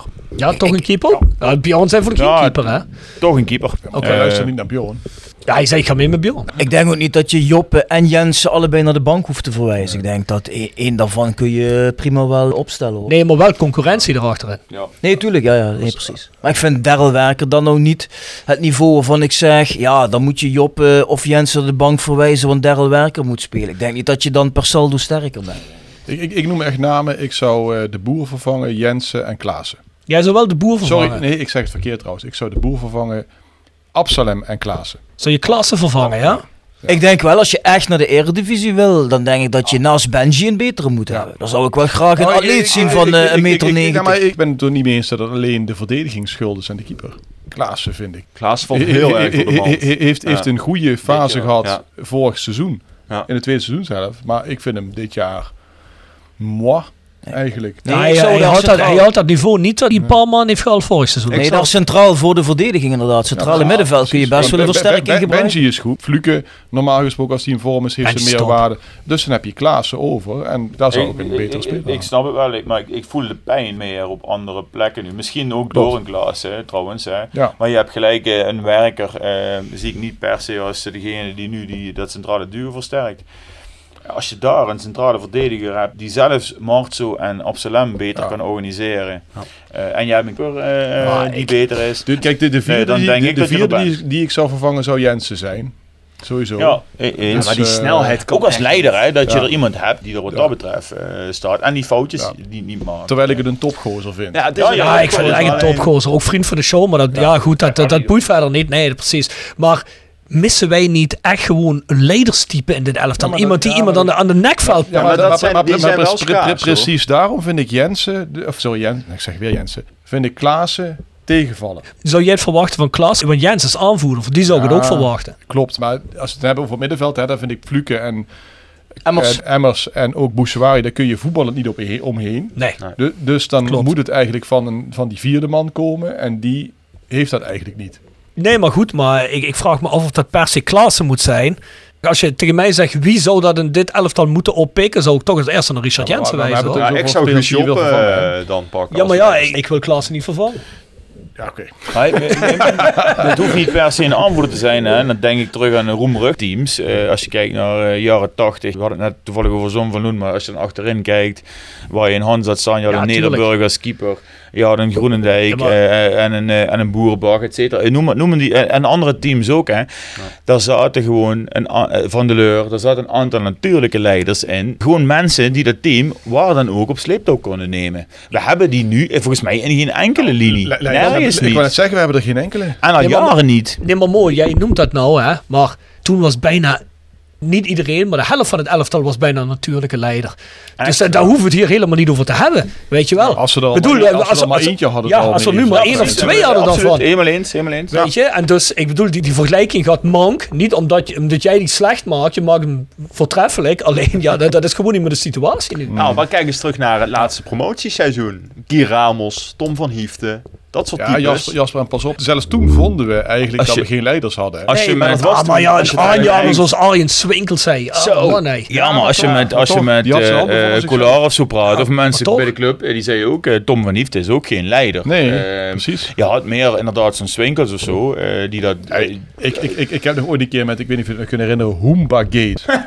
Hoemba Ja, Jeet. ja, Hoemba ging ik het doen, het. Hoomba niet deden. Oh ja, ja, ja. Daar, hebben we nog een keer met, de het. spelersraad samengezet. Van Hiefte in. Al, eigenlijk al die jongens die jij nu noemt, eh, Jasper. Ja, Nou, dat was de enige die daar een beetje zijn mond open trok. Dat was die- tegen dat, die- was, dat was tegen de Moeze, de Moeze en Husser. Ja, Ja. tegen Top Os. ja. 4-3 toch? Zowel Jensen, of even Jensen. Kom ik weer met Jensen? Hoe kom ik met Jensen? Bas wil de hele tijd die Hiefte, doen. Ja, Swinkels was er toen nog eh, niet, hè? Al die jongens die Swinkels was er toen nog niet. Ja, Van Hiefte zat er in ieder geval wel bij. Van Nou, Hiefte die- wel, Die, die, zat echt alleen maar in zijn, eh, in, in zijn gala kostuum een beetje zo met zijn armen over elkaar. Ik herinner niks mij, eh, Wim Kolar, die ja, dit, deze week in het nieuws maakt niet uit, maar die zei toen, het lijkt van buiten alsof wij een aantal leiders in het team hebben, maar dat valt vies tegen. Ja, Eh, precies. en dat precies, was ook zo. Nou, precies met- dat met- viel toen. Want, we hebben dat elftal toen juist heel veel verweten eigenlijk. Hè? Want NEC nam afstand. En ja, wij zagen eigenlijk allemaal oude Nou- Eredivisie spelers die allemaal voor twee ton voel op de loonlijst. Een review van een paar jaar geleden. Dat heeft geen dat- zin, maar ik bedoel meer, het is heel dat- moeilijk in deze tijd. Maar als je het gevoel hebt dat er toen wel leiders waren en nu niet, kun je ook eens zien. Ja, precies. Nou, dat wil ik zeggen. misschien dat waren- zeg genoeg over de situatie. Misschien waren er toen wel te veel kapiteins op het schip. Ja, dat is ook vaker gezegd in die periode. Ja, allemaal- ja, ja, allemaal- dat, dat heeft Van Peppe nog wel eens verteld in de In de podcast. competitie, Ja. uiteindelijk toen erop echt op aankwam wel. Maar gedurende dat seizoen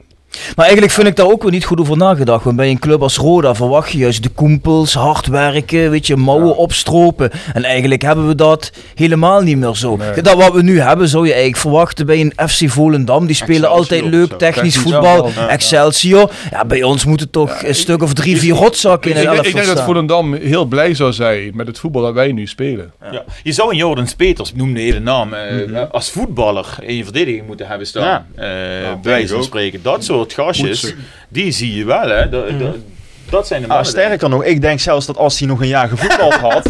Als we in de winter... eh, ja, ja, we, we proberen Maar, het maar. Nee, ja, weet Jas, je, Jasper, jij stelde een speler AD voor. Nou ja, ik vond Joris. Jasper dit komt zelfs in Argentinië en Brazilië voor dit soort dingen. Ja, maar ik vond Joris Peters oprecht vorig jaar nog niet zo slecht hoor, toen hij speelde. Nee, ik heb het niet over of hij slecht was. Ik heb het over dat dit gewoon niet, niet, niet Nee, realistisch is. Nee, nee, nee, maar op zich. Ja. Nou ja, dat zijn Qua- eh, in Suriname, dan komt gewoon de president Precies, met, eh, met precies. eh, 110 kilo. Ja. eh, die doet gewoon mee met nationaal. Ja, ja, ja, en, en niet te vergeten. Dus voor mij is het nog hoop. En een goede moneyclip naar de kleedkamer en help. Even die schijntjes uitdelen. Was, was er met Jordanië ook niet bij Vitesse of zo? Van wie trainde toen mee? Ja, maar die heeft niet meegespeeld. Nee, bij Ronnie Wolfsburg. Brunswijk wel. Ja, Azimi heeft nog een pingel bij Nee, dat was eh, bij, eh, ja. genomen, hè? Ja, ja, ja, ja. ja. Wacht, dat was bij, die gast is eh, ook weg nu, hè? Bij Hui Wang van ADO. Oh ja, die was Die ging het veld op precies. Ja, ja, ja, Ja, die ging meetrainen. ja, ja, ja. Section Frietenboot.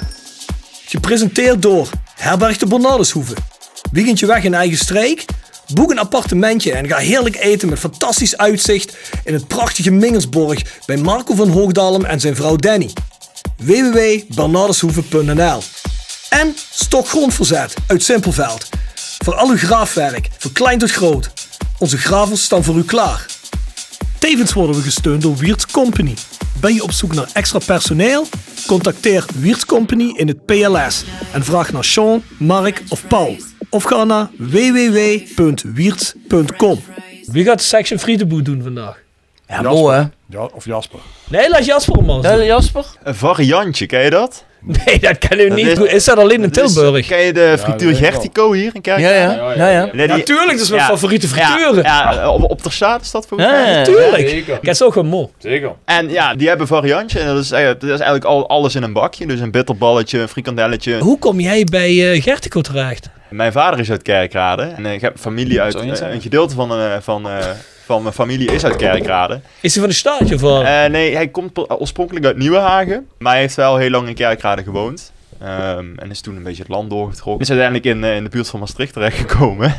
dus vandaar de connectie. kan je ook een niks beetje aan Op die manier. Maar dus ik ben daardoor ook een beetje... Na de wedstrijd bij Roda gingen we vroeger naar, eh, naar Gertie komen. Frietje te pakken nog. Ah, goeie man. En daar heb ik het variantje leren kennen. Mooi. Dus eh, ja, heeft al- een aanrader. Er was ook eigenlijk wel een beetje de hoop dat Bjorn dat variantje hier eh, in de frietenketel gegooid had. Oftewel een eh bruine sortiment. fruitschaal. eh, Jullie mogen toch niet klagen over de pizzeretten van Nee, dat denk ik ook niet. Nee, we hebben Nee, een maar- top-introductie gehad met eten van Bjorn. Ja, zeker. Maar ik denk ook niet dat je op, je op Bjorn moet verlaten als het op dat aangaat. Dan moet je naar Melanie kijken. Die gooit dat nog wel Nee, erin, daar maar ben niet ik wel Bjorn. met je eens. hè. Melanie heeft dat goed geregeld. Ook die pizzabodempjes. Alles Ja. goed verzorgd hier. zeggen. kun je niks van zeggen. Bart die had veel verschillende bieren. Alleen overal kleine flesjes van. Een beetje jammer.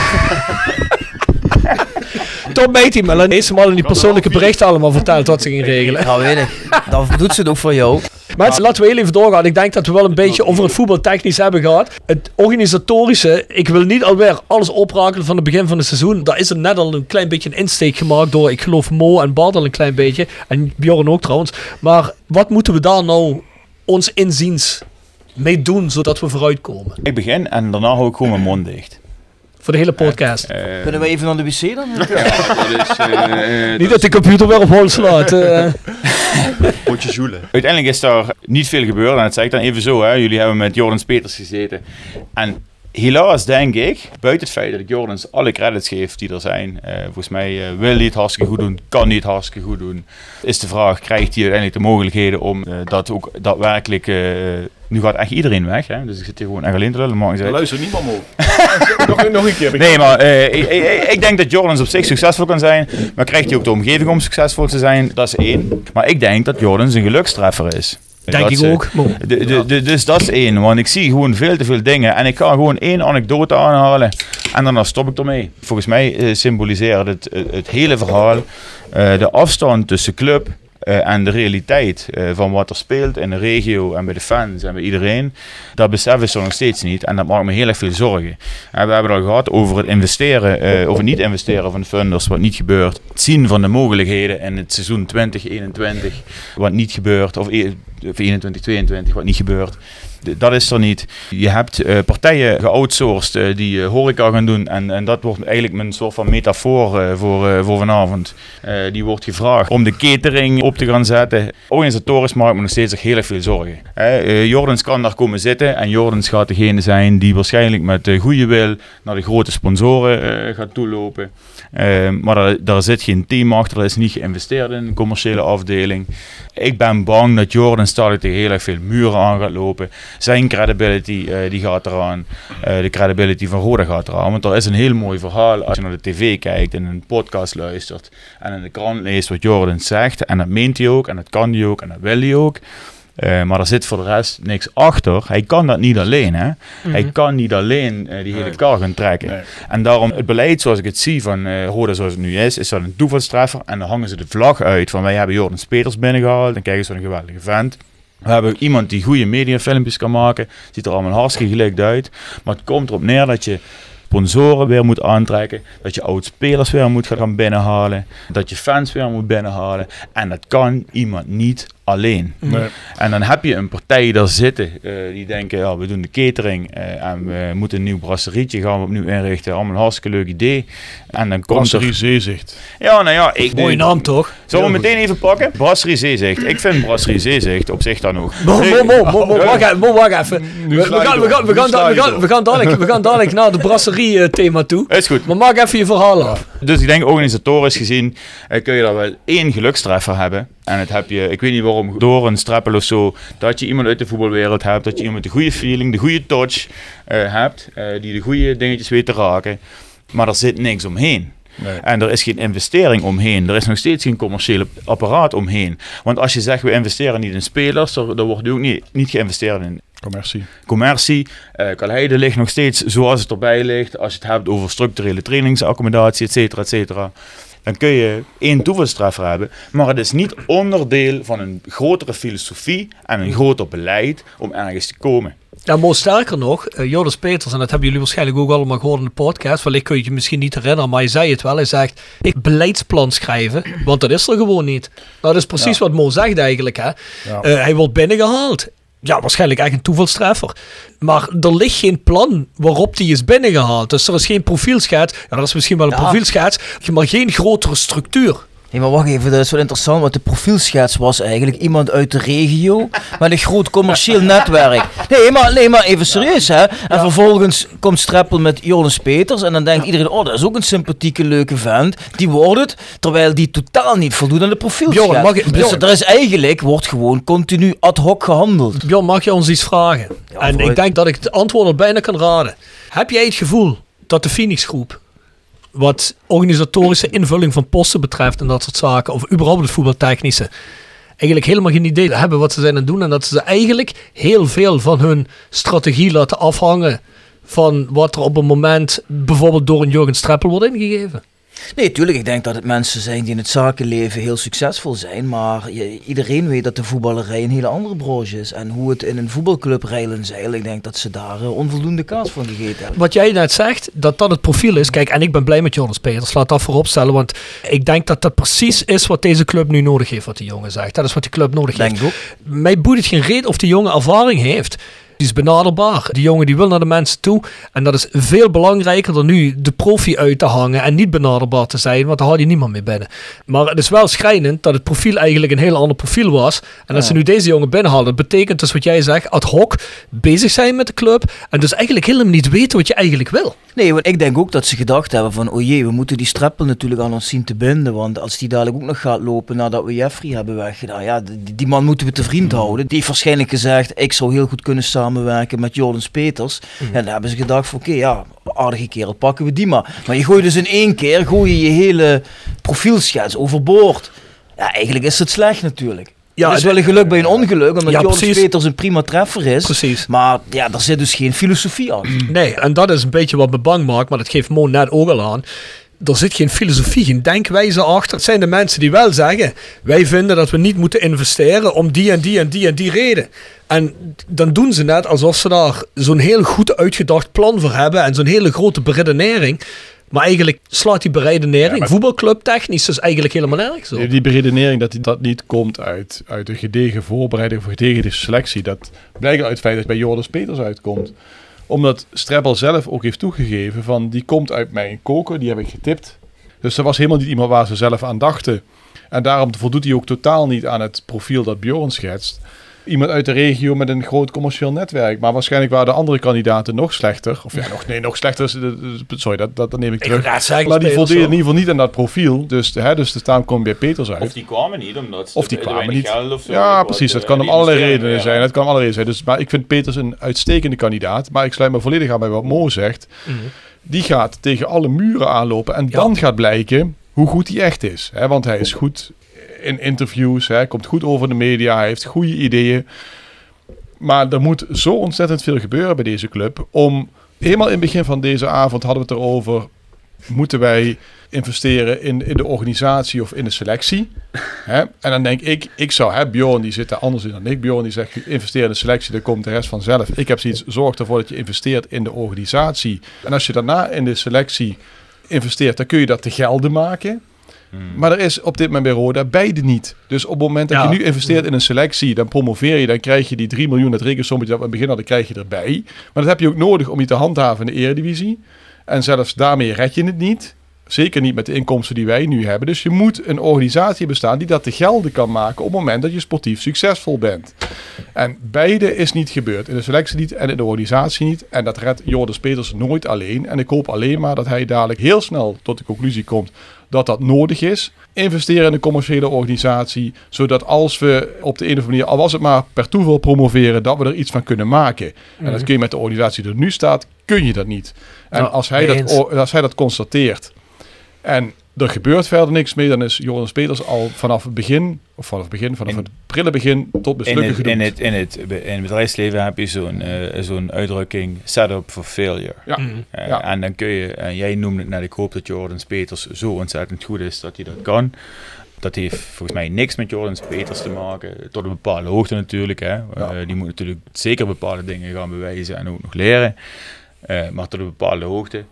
Daarna kun je daar zelf ook niks meer aan doen. Nee. Ben je afhankelijk van de steun en Ja. de dingen die je wel... Ja, je Ik- kan bij alle ben bedrijven binnenstappen, zelfs met Shane Hanze of met René Tros Ja. of wie het ook is. Op het moment dat dan de aftersales niet goed is of wat dan ook allemaal, dan is het allemaal korte termijn en De- dan lukt het de- allemaal dus- helemaal dus daarom, totaal. Ik Dus- denk echt dat de, ten volle moeten we Jordans in die zin blijven Supporten. supporten. supporten. Ja. Eh, Want de manier waarop hij het vanaf dag 1 en minuut 1 oppakt. Ik heb geen idee wat hij kan. Hè? Eh, In die zin van wat zijn zijn capabilities, maar wat hij laat zien. Eh, en hoe hij de club verkoopt en laat overkomen, dat doet hij fantastisch. Ja. Ook met de kritiek die hij te verduren krijgt van eh, de, eh, ja, je zit hier in een podcast met, met Rob en Bjorn, pareert de, de zaken uit het verleden. Je staat ergens voor, maar er komt een moment dat je wel datgene wat, wat hij uit de grond van zijn hart wil en wil gaan optuigen, dat daar wel support voor moet zijn. Eh, Precies. En daar kan hij verder niks meer aan doen. En dat is waarom ik zeg, wellicht Ja, is die setup de- de- failure, omdat ja, het wellicht de- een toevalstreffer De is. meest simpele dingen, weet je, eh, waar, waar je voortdurend bij Roda over hoort. Hè. Zelfs gro- relatief grote sponsoren die ineens een factuur krijgen voor hun sponsoring. de, al dat soort dingen. Ja, maar weet je, dat zijn wel belangrijke dingen. Absoluut. Want als dat niet in orde is... Maar ik bedoel, weet je, die voorbeelden die zijn talrijk. Weet je, maar dat soort simpele dingen. Weet je, Peters kan de een naar de andere sponsor binnenhalen. Op het moment dat er geen factuur verstuurd wordt of wat dan ook. Ja, ik vind het eigenlijk wel heel frappant. En dat is gewoon eigenlijk waar het op neerkomt. Er wordt gezegd, eigenlijk al de hele tijd, het moet uit de regio komen. Dus er moet geld uit de regio komen. De sponsoren moeten aanhaken. Alles moet aanhaken. Jullie moeten aanhaken. Jullie moeten aanhaken. Aanhaken. Aanhaken. Op de achterlijkste manier wordt het gecommuniceerd. Terwijl niemand goed wil heeft van die mannen. bij wie moet je je melden? Ja goed, dat is het probleem. Je moet je melden. Ja. Eigenlijk moeten Ja, de mensen van commercie naar jou toe komen. dat is ook iets wat ik bij heel veel MKB's hoor. Ja, waarom komen ze niet naar ons toe? Zeggen ze dan bij Roda. Nee, luister, jij wil iets van hun. Hun willen niks van jou. De Hmm. meeste sponsoring, en daar hebben we het laatst over gehad. Nou, bijna, ik denk 95% van de sponsoring bij Roda is op basis van goodwill uit de regio. Niet omdat je er zo gigantisch veel van terugkrijgt, want we komen niet eens meer op tv. Dus leg die mensen in de fucking watten. Dat is één ding. Ten tweede, en wat ik niet begrijp is, en daar wil ik net heen. Er wordt altijd gezegd, commercie, er moet meer geld binnenkomen. Ja, waar moet dat geld dan vandaan komen? Nee, niet van de funders, uit commercie, uit het bedrijfsleven, uit de regio.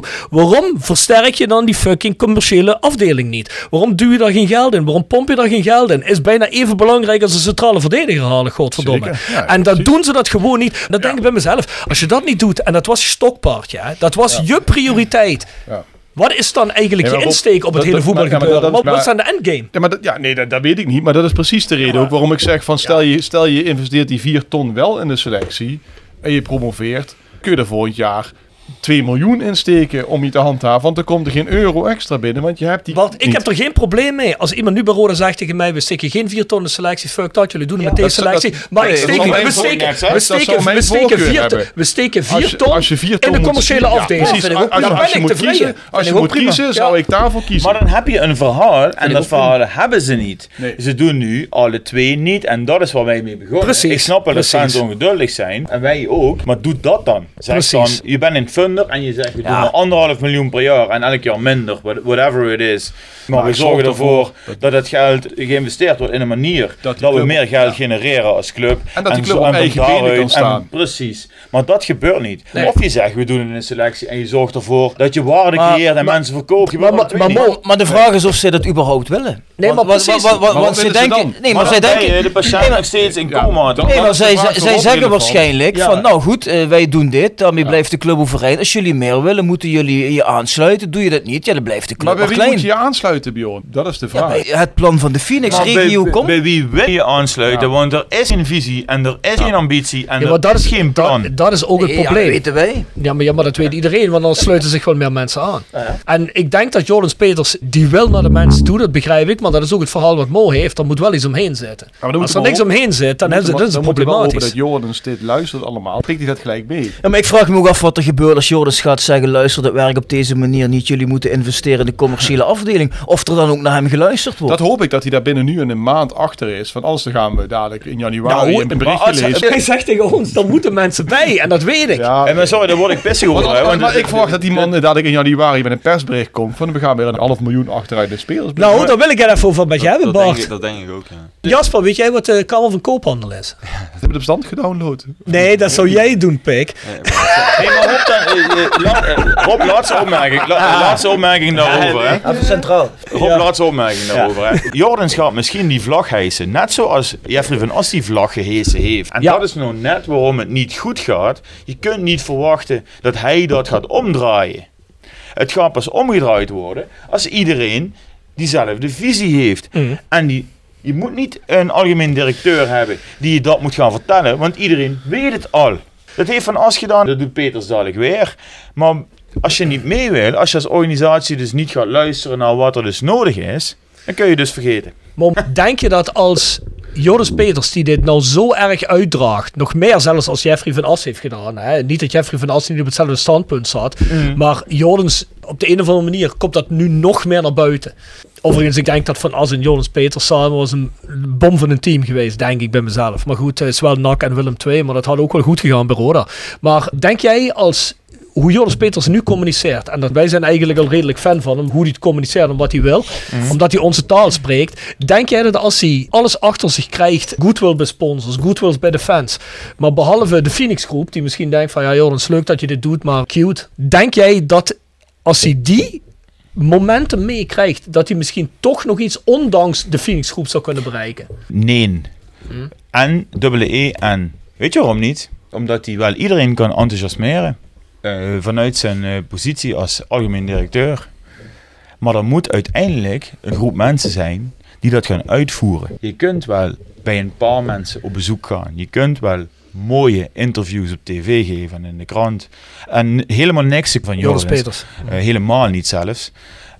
Eh, want dat doet hij perfect zoals hij het tot nu toe doet. Maar hij kan niet bij al die sponsors in het MKB langs gaan.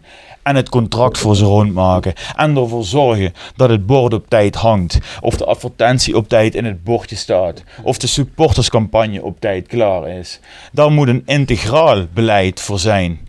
Je kunt een idee hebben, je kunt een beleidsplan schrijven, dat kan die ook gaan doen. Maar je hebt mensen nodig in die organisatie daaronder die dat gaan doen. Want je kunt een organisatie van een aantal miljoen met een hele hoop stakeholders.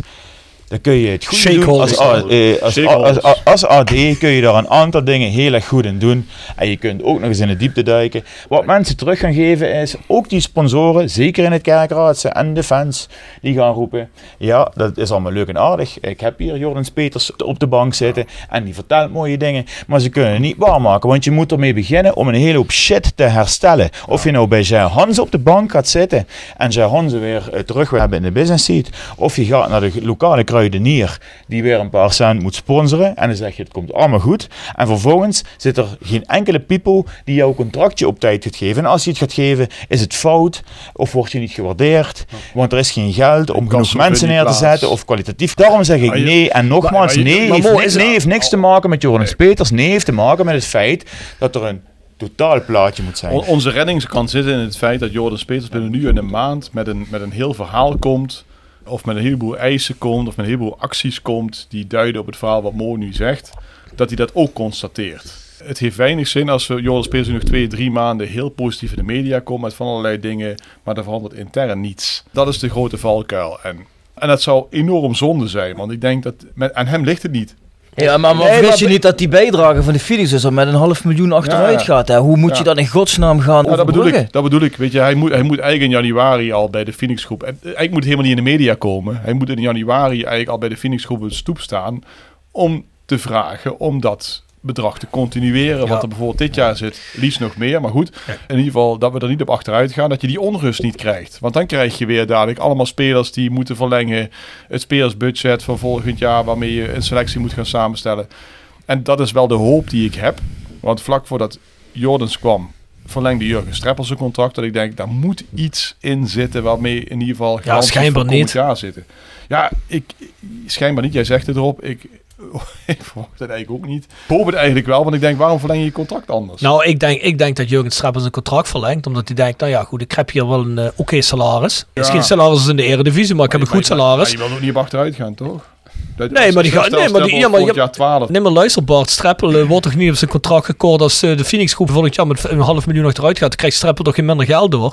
Er wordt gekocht op de spelersgroep. Maar die, nee, nee, dat, nee, maar ik bedoel, die, die jongen die heeft, ook, die heeft ook natuurlijk qua carrière, zit hij niet in de. Nee, maar als een Nee, maar- eredivisieclub komt, dan kan die toch weg. ja, Maar- en, maar pl- zit er en nu- plus... Zit er nu een Eredivisie Nee. club op Jurgen Nee, Streppel maar daarvoor, maar Nee, daarvoor heeft hij wel nou nog drie jaar baangarantie. Ja, precies. En dat is ook wat het is. Hè. Jurgen Streppel denkt, ho, ik ben TD. Jurgen Streppel heeft zijn eigen koninkrijk gecreëerd door de TD-job over te Ja. nemen. Hij is eigenlijk king of the castle als het op technisch gebied aankomt bij Roda. Heeft hij dat gedaan of hebben anderen dat voor hem gedaan? Nou ja, anderen hebben hem dat aangeboden, omdat, en dat is wat, ook de vraag die Bjorn stelde een tijdje geleden.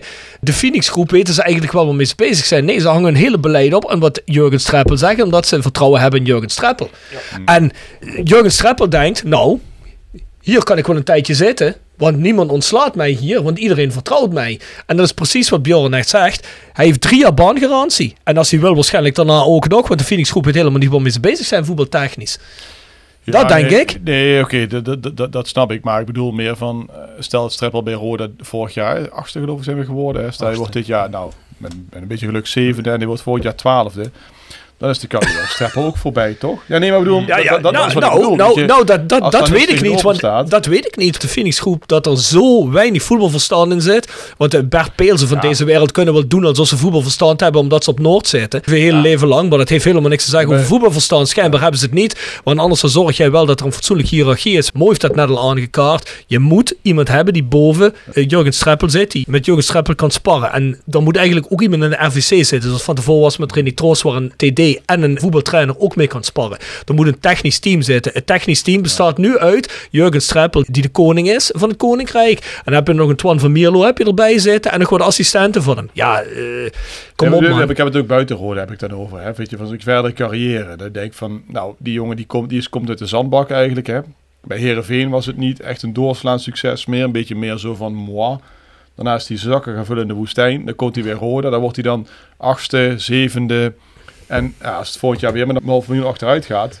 Dat, dat is wat ik bedoel. Weet je, daarmee verwacht ik, verwacht ik eigenlijk dat hij een beetje garantie heeft gekregen. Want als hij zeker weet van... Ik denk het niet, Bart. Wa- wa- waarom zou je dat een komend seizoen wel doen? En had je het toch afgelopen zomer gedaan? Als je daarvoor open Ja, stond. nee, of ze moeten nou opeens heel erg gedraaid zijn. Ja, het lijkt mij sterk. Ik hoop het ook. Hoeveel trainers kennen we niet die twee seizoenen mega waren en vijf seizoenen later nooit meer een baan hebben gehad? Het geldt ook voor spelers.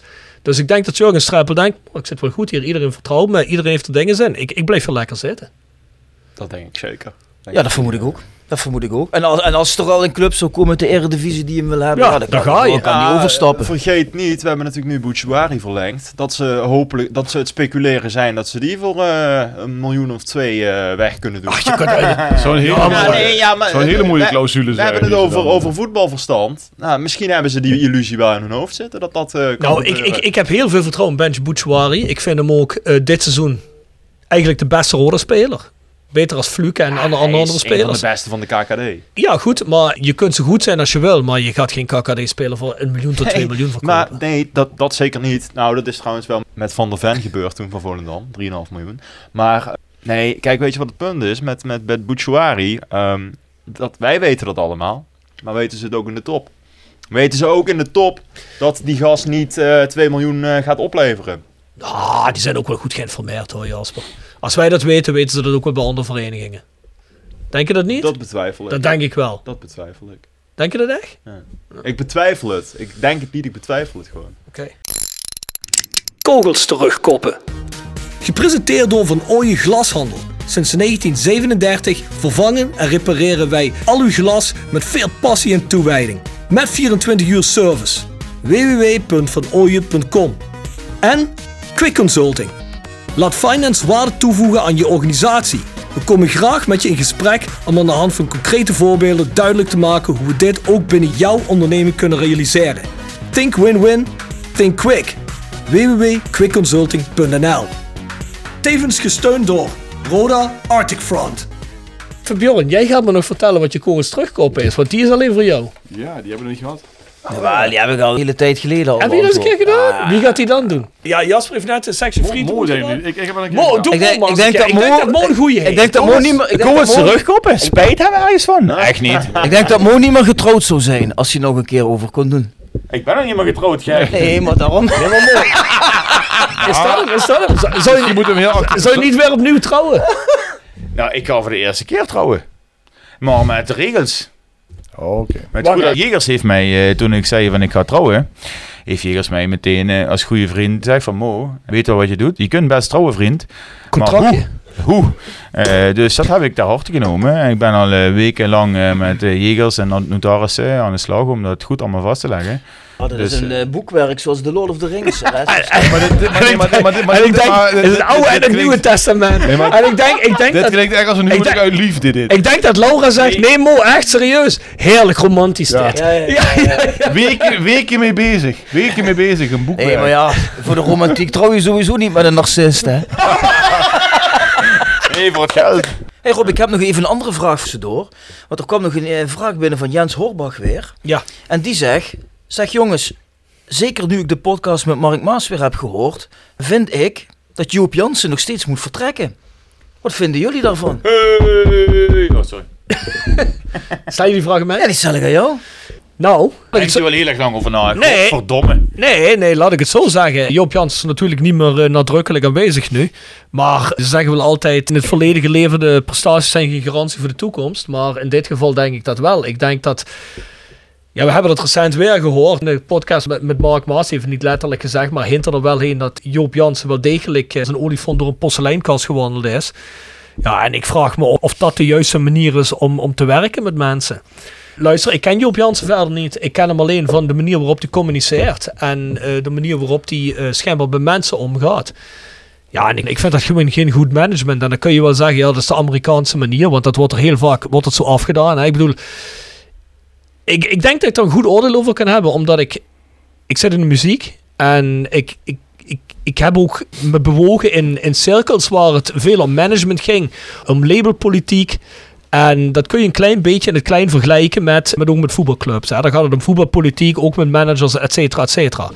Daar is het ook gewoon zo. Als jij niet fatsoenlijk om weet te gaan met mensen, dan loop je vroeger of later ook de mensen weg. Of dan ben je in ieder geval niet populair. Maar dat is in ieder geval niet de juiste manier. Als jij fatsoenlijk menselijk om kan gaan met mensen, dan heeft dat meestal het beste rendement. Of dat nou om muziek gaat of om, om, om voetballen. Jouw antwoord is dus ja. Het is kortom ja, want ik wil het wel even toelichten. Misschien is Joop Jansen wellicht van wat hij doet misschien helemaal niet zo slecht. Maar misschien dat Joop Jansen zich misschien van het begin af aan op de achtergrond moet houden. Hè. Misschien dat de Phoenix groep zich van het begin af aan eens een beetje moeten informeren. En een beetje moeten kijken hoe de volk in de steel zit in de regio. Ik vind dat zo, eh, ik vind dat zo wereldvreemd. Ik vind, ik vind dat zo bizar. En Joop Jans is gewoon de bloedhond geweest van hun die al die dingen heeft mogen uitvoeren. Nou ja, goed, eh, dat maakt je niet minder verantwoordelijk. Dus ja, ik, ik vind dat soort mensen met dat soort dingen niet houdbaar. En als Joop Jansen zegt van ja jongens, ik moet alleen maar uitvoeren. Nou, dan moet je als Joop Jansen jezelf achter de oren krabben en denken van ja, wil ik wel die persoon zijn? Ik denk, ik denk ook die hele RVC die is nou uit elkaar gevallen. Hè. Er zit alleen nog Joop Jansen en die Ralf Bongaerts. Maar ja goed, er zal een hele nieuwe RVC opgetuigd moeten worden. Had eigenlijk al lang gebeurd moeten zijn naar mijn idee. Maar dan denk ik, als je helemaal opnieuw begint, dan eh, moet je ook afscheid nemen van Joop. Dan, dan, dan moet je een hele nieuwe RVC Tuurlijk, en, en ik vraag me ook altijd af in hoeverre Joop Jansen het beleid van de Phoenix groep uitvoert. En hoe, of in hoeverre Joop Jansen eigenlijk het beleid van de Phoenix groep bepaalt. Dat is Ah, ik denk niet, ik denk niet dat hij bepaalt. Nou, maar ik bedoel meer van hoe, hoe dicht zitten zij erop? Ik denk dat het een kwestie is van, tenminste dat is wat Bjorn en ik tijdlang te horen hebben gekregen, dat het meer een, een, een ding is waar er mensen tussen zitten die de filter vormen tussen de grachtengordel in Rotterdam. Dus Ja. we hebben het over, Ja, over, Stijn. Ja. eh, over Stijn Koster en over eh Hodenius. Die de filter vormen en die, die filteren wat er naar boven en naar onder komt. Dus als jij die bottleneck bent die dat bepaalt, Ja. die filter bent, ja, dan kun je filtertjes aan en uitzetten. dus dan kun jij... Dat bedoel ik. En, en, Nee, maar dat wil ik ook zeggen. Maar, maar je weet als Joop Jansen ook dat dat het geval is. Dus jij kunt voor jezelf ook zeggen op een gegeven moment... Hey, luister jongens, ik wil deze persoon niet zijn. Ik wil goed beleid voeren. En dit is niet wat ik onder goed beleid Weet je, versta. als- Dus en als je dat niet kunt, als je die persoon bent die je geweest bent... vind ik gewoon niet dat je thuis hoort in zo'n organisatie. Als die, als die geen andere filters zou kunnen krijgen, dan hadden we een andere discussie. Als het alleen maar de grachtengordel filter, filter was, maar er waren ook andere filters in die RVC en andere signalen vanuit de organisatie, Nee, dat die die klopt. gewoon, Ja. waar die voor Ja. koos om niet naar te luisteren. Ja. Hè, eh, hoe heette die gasten? Ja. Lambrechts, eh eh Trost, goede gasten die er zaten, Dat de is- organisatie er was, daar luisteren. En, en dat is, no- nogmaals terugkomend op het punt wat we net hadden over Jordans Peters. Lucky shot, zet Jordans dan neer. Maar wat is nou het verschil tussen Jordans en alle die andere mensen die er zaten, die de goede signalen hebben proberen af te geven met, geven met de beste intentie van die mensen, als er iemand is die gewoon weigert om naar je te luisteren. Da- daar heb je, is gewoon daar heb niet je, daar heb je groot gelijk in, man. Dat klopt. Als, als Jordans via Joop Jansen bij de Phoenix groep moet gaan lobbyen, dan, dan zijn we ten dode opgeschreven. Het grote verschil is, die andere mannen waren allemaal RVC. En Jonas Dus Peter was eigenlijk de, de, de, Jeffrey was ook geen RVC. Nee, dat weet ik. naar Nee, dat weet ik. Maar Jonas zit nu... Ik, ik wil niet zeggen dat daarom naar hem geluisterd wordt. Maar in naam is hij natuurlijk wel degene die de hele rotzooi... Ja, en eh, ze, en ze hebben hem zelf aangesteld, dus er zit misschien een verschil in. eh, dat, eh, dat, dat snap ik ook wel, maar... Je snapt mijn punt, hè? Jeffrey mocht niet eens met eh, de Phoenix groep rechtstreeks contact opnemen. Dus ik vraag me ja, af of ja. Joris Peters dat wel kan doen. Ja. Tijd zal het gaan leren. We zullen het denk ik over een aantal maanden weten, want het volgend seizoen staat snel genoeg voor de deur. Ja. In ieder geval het begin van het financiële begin van sowieso. Jongens, we gaan het organisatorisch gedeelte een beetje afsluiten. Ik denk dat we alles wel een beetje gehad hebben. Hè? Volgens mij zijn we al twee uur bezig, toch? Of niet? Nee, ze hebben nog niet. Nee, nee, Heb je nee. nog nee. pizzaatjes, Bjorn, of niet? Nee, we hebben geen pizza's meer, maar als het nog even doorgaat, moeten we wel het ontbijt eigenlijk laten komen. En die, die Filipijnse, ik zag net die Filipijnse vrouw, die staan aan de hoek Ik, door. ik, Mo, zijn de biertjes op of hebben we nog wat de ijskast liggen? Ehm, ik heb volgens mij mijn eh, eh, twee fles... Oeh, hier is nog iets in. Oh, ja, eh, schud maar daar in. zit nog een Schud- maar in, schud maar in, schud maar in. En er ligt nog een gelukkig oog van jou. Ook nog. Oh, en er liggen ook nog IPA'tjes. Maar dan gaan we liggen Ja, er anders dan maken we een blend van die biertjes van Bart. Want Bart nam van alle biertjes één kleine En, mee. Jongens, als jullie een dag van tevoren, dan heb ik geen tijd meer. En, Hey, dat was Nee, drie dagen van tevoren. zijn, ze goed, zijn ze goed of niet? Toch? Ze zijn goed. En die laatste was echt goed. Beetje, En- beetje lakrietsachtige smaak. op de wc ligt Oh, nog iets te wachten.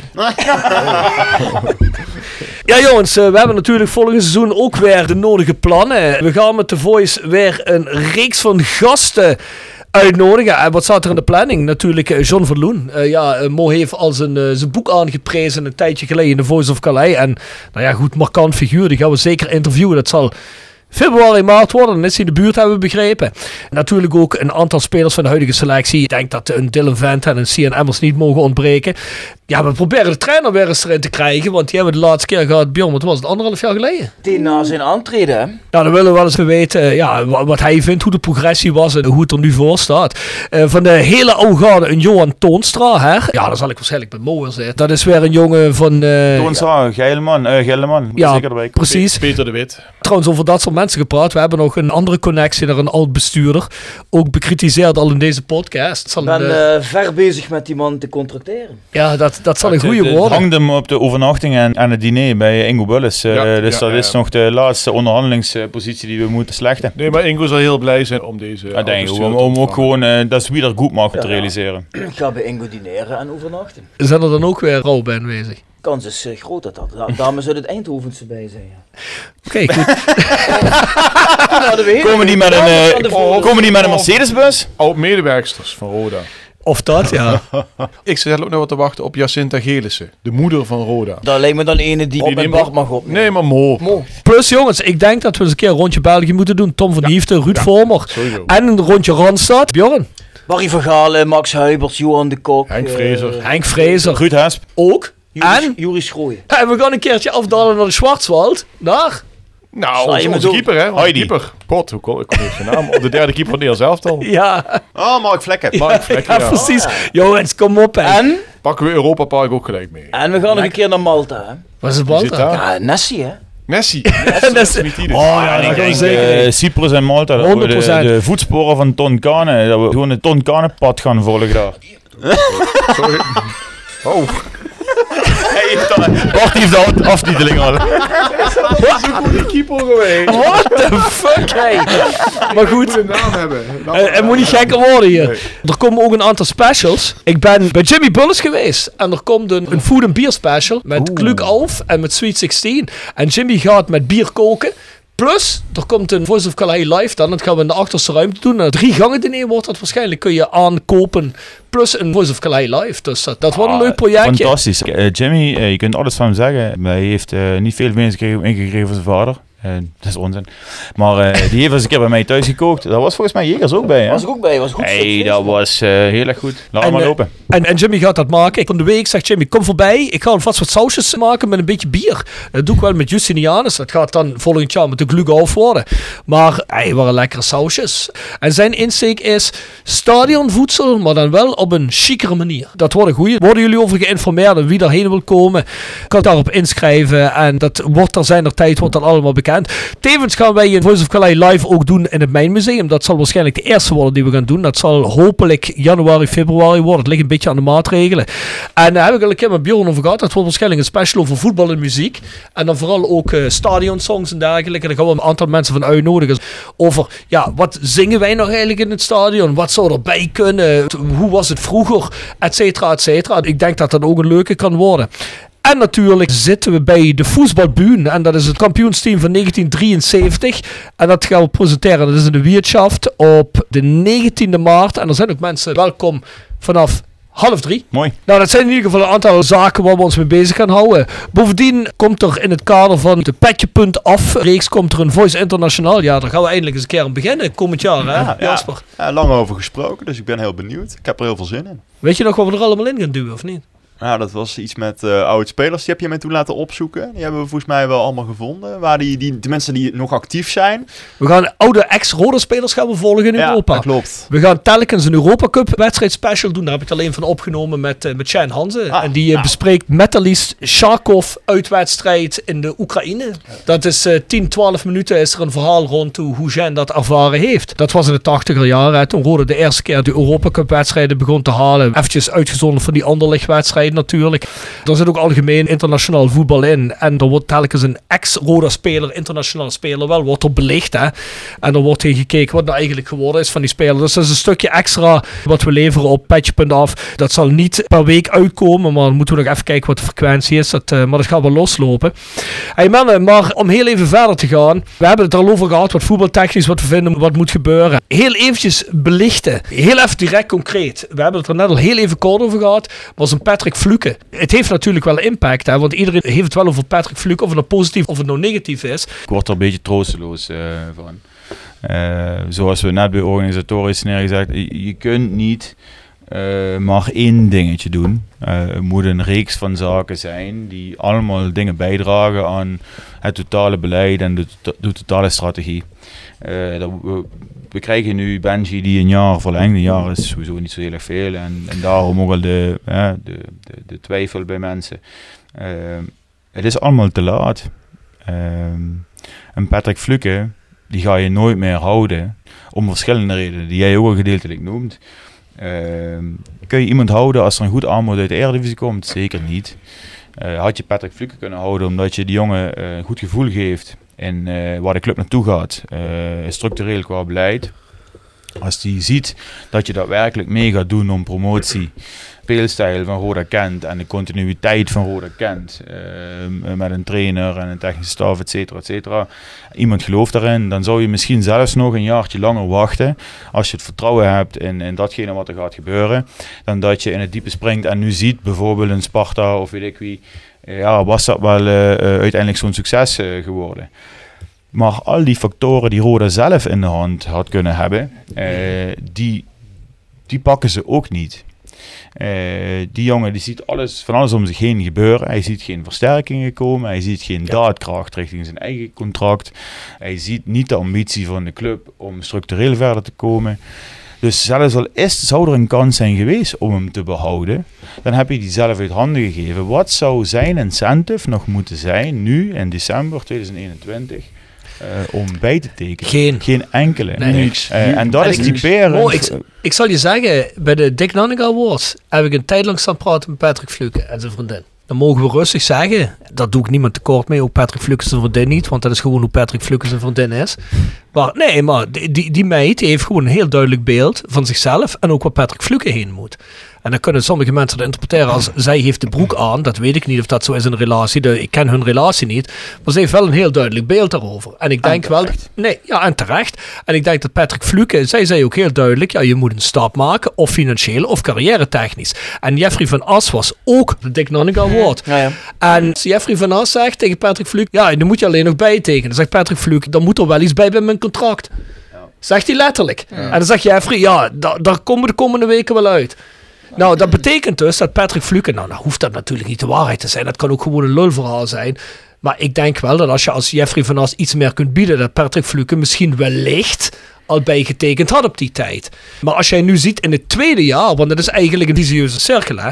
Want je zegt eigenlijk, en dat, dat zeg je Mo en Bjorn net al heel goed, je hebt een plan van 8-5-2. Dat is qua posities. En nu zie je, dan zit je in het tweede jaar. En Patrick Fluke had wellicht bijgetekend in de zomer met de achterliggende gedachten in zijn achterhoofd. Volgend jaar gaan wij naar plaats 5. En dan kan ik meegroeien. Nu ziet Patrick Fluke, ja, we hangen alweer op diezelfde plek als we vorig jaar hangen. Ja, dit wordt hem niet. En dan denk ik dat Patrick Fluke denkt, ja jongens, met alle beste bedoelingen, met alle kansen die jullie me gegeven hebben. En weet je wat? Iedereen is lyrisch over me. Ik ga een stap maken. En ja, dat kan ik hem helemaal niet verwijten. Maar, maar, wat, wat, natuurlijk wel zo is, is, kijk, Fluke moet natuurlijk wel zelf ook blijven leveren. Ik wou net zeggen. En, en, en, en, dat is niet... Ja. Kijk, nee, maar, maar, maar, de buitenwacht ziet hem wel degelijk. Als jij luistert naar, naar, naar ESPN luistert, hè Bart, dan hij gaat het bij Hans Kraai junior gaat het alleen maar over Patrick Fluke. En dat is wat de buitenwacht ziet. Helemaal eens, helemaal eens. Wel, wel, de, laatste, wel de laatste weken. Maar kijk, Fluke... kijk, dat, dat er is Fluke in de, in, de, in, de, in de zomerstop zat hij sowieso natuurlijk echt. Hè? Dan was het een speler die bij Roda kwam. Die kwam uit, uit Duitsland. Ja. Uh, die had 13 doelpunten gemaakt. Was echt, echt de revelatie bij Roda van het afgelopen seizoen. Ja. Toen is het niet gelukt.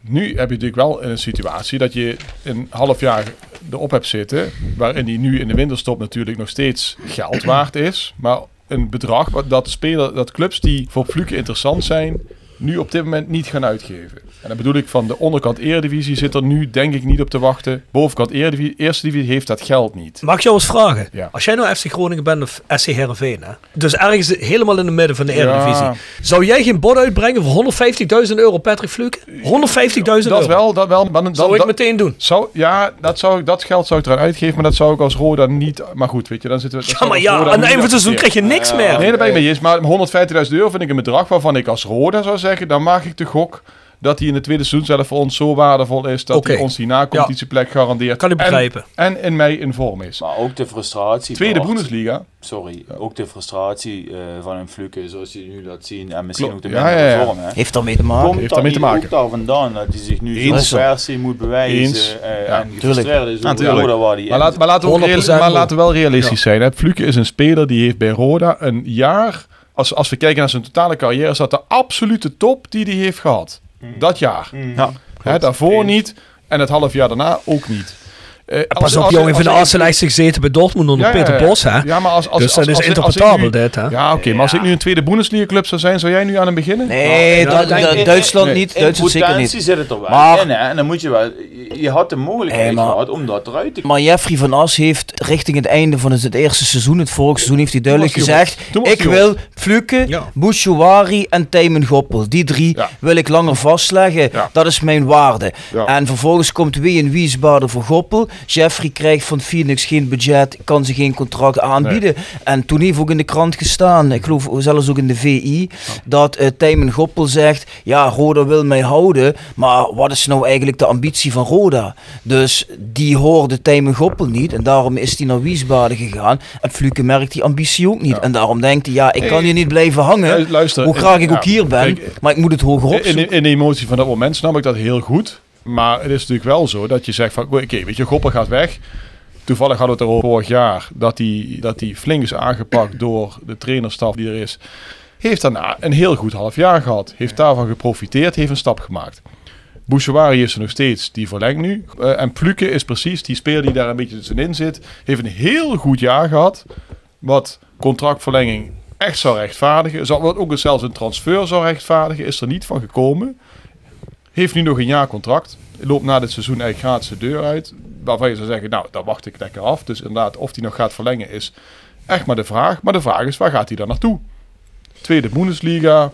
Ja, ik vrees Mwah. dat hij de kant van Drie- Mario Engels Drie, uitgaat. drie, driede liga zou ik ook niet doen. Hij wil naar de Eredivisie. Hij wil naar de Eredivisie. Ik vraag me af. Ik vraag me echt af of gratis komen ze erop. Ik begrijp wat jij bedoelt, Bart. Want die clubs die, die, die eerst die voor de markt waren, zoals een Heracles, een Sparta, dat soort teams, die presteren nou dermate slecht. Want dat waren vorig seizoen stonden die in het linkerrijtje. Zowel Heracles en Sparta. Clubs, allebei trouwens. Ja, en die stonden, maar nu denkt Patrick Fluke ook, oh shit. Ik heb gisteren nog een, eh, of vandaag nog een FC Afkeken podcast geluisterd. Daar ging het over, ehm, hoe heet die, eh Haaien, Tom Haaien van de NAC. Ja. En dat Fortuna wellicht in hem geïnteresseerd was. Nou, Tom Haaien zegt in die FC Afkeken podcast gewoon keihard. Je hoort hem gewoon stotteren en hij zegt gewoon van ja, dat is niet de stap die ik wil maken. Nee. Nee, natuurlijk niet. Want voor je het weet, voetbal je weer gewoon in de eerste divisie.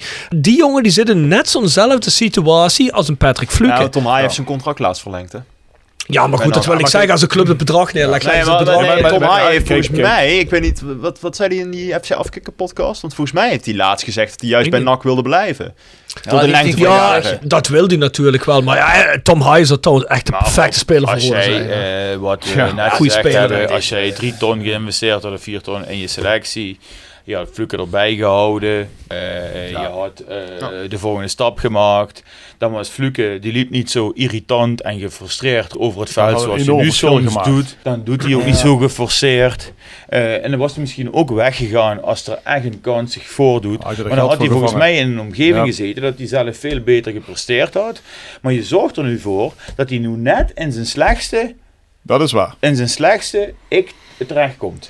Maar luister, als jij gewoon een, als jij een TD hebt als Jeffrey van As en die presteert redelijk goed en die Ja. weet waar hij mee bezig is en je wil die club van de grond af opbouwen, dan weet je, ik, ik moet transfersommen moet ik binnenkrijgen en dan moet jij de waarde die je hebt op het veld, die moet je langer aan je binden. Dus als die TD tegen je zegt, die drie wil ik een langer contract aanbieden, ja, dan moet je zorgen dat hij de middelen daarvoor heeft. Want dan ga je waarde creëren en dat is niet gebeurd. En als- presteert bij ons heel goed. Ja, en als Fluke dan was Dat is, weggegaan eh, in een winterstop, dan had je voor Fluke gewoon een goed geldbedrag gekregen. Ja. Mhm. En dan hadden we wel even godverdomme geroepen. Maar dat was prima geweest. Nee, maar precies. En dat, dat, dat moeten mensen goed begrijpen. Hè. Wij hebben er helemaal geen probleem mee als spelers verkocht worden. Want dat moeten we ook, daar moeten we gedeelte van ons budget van maken. Maar dan wel voor de juiste prijs.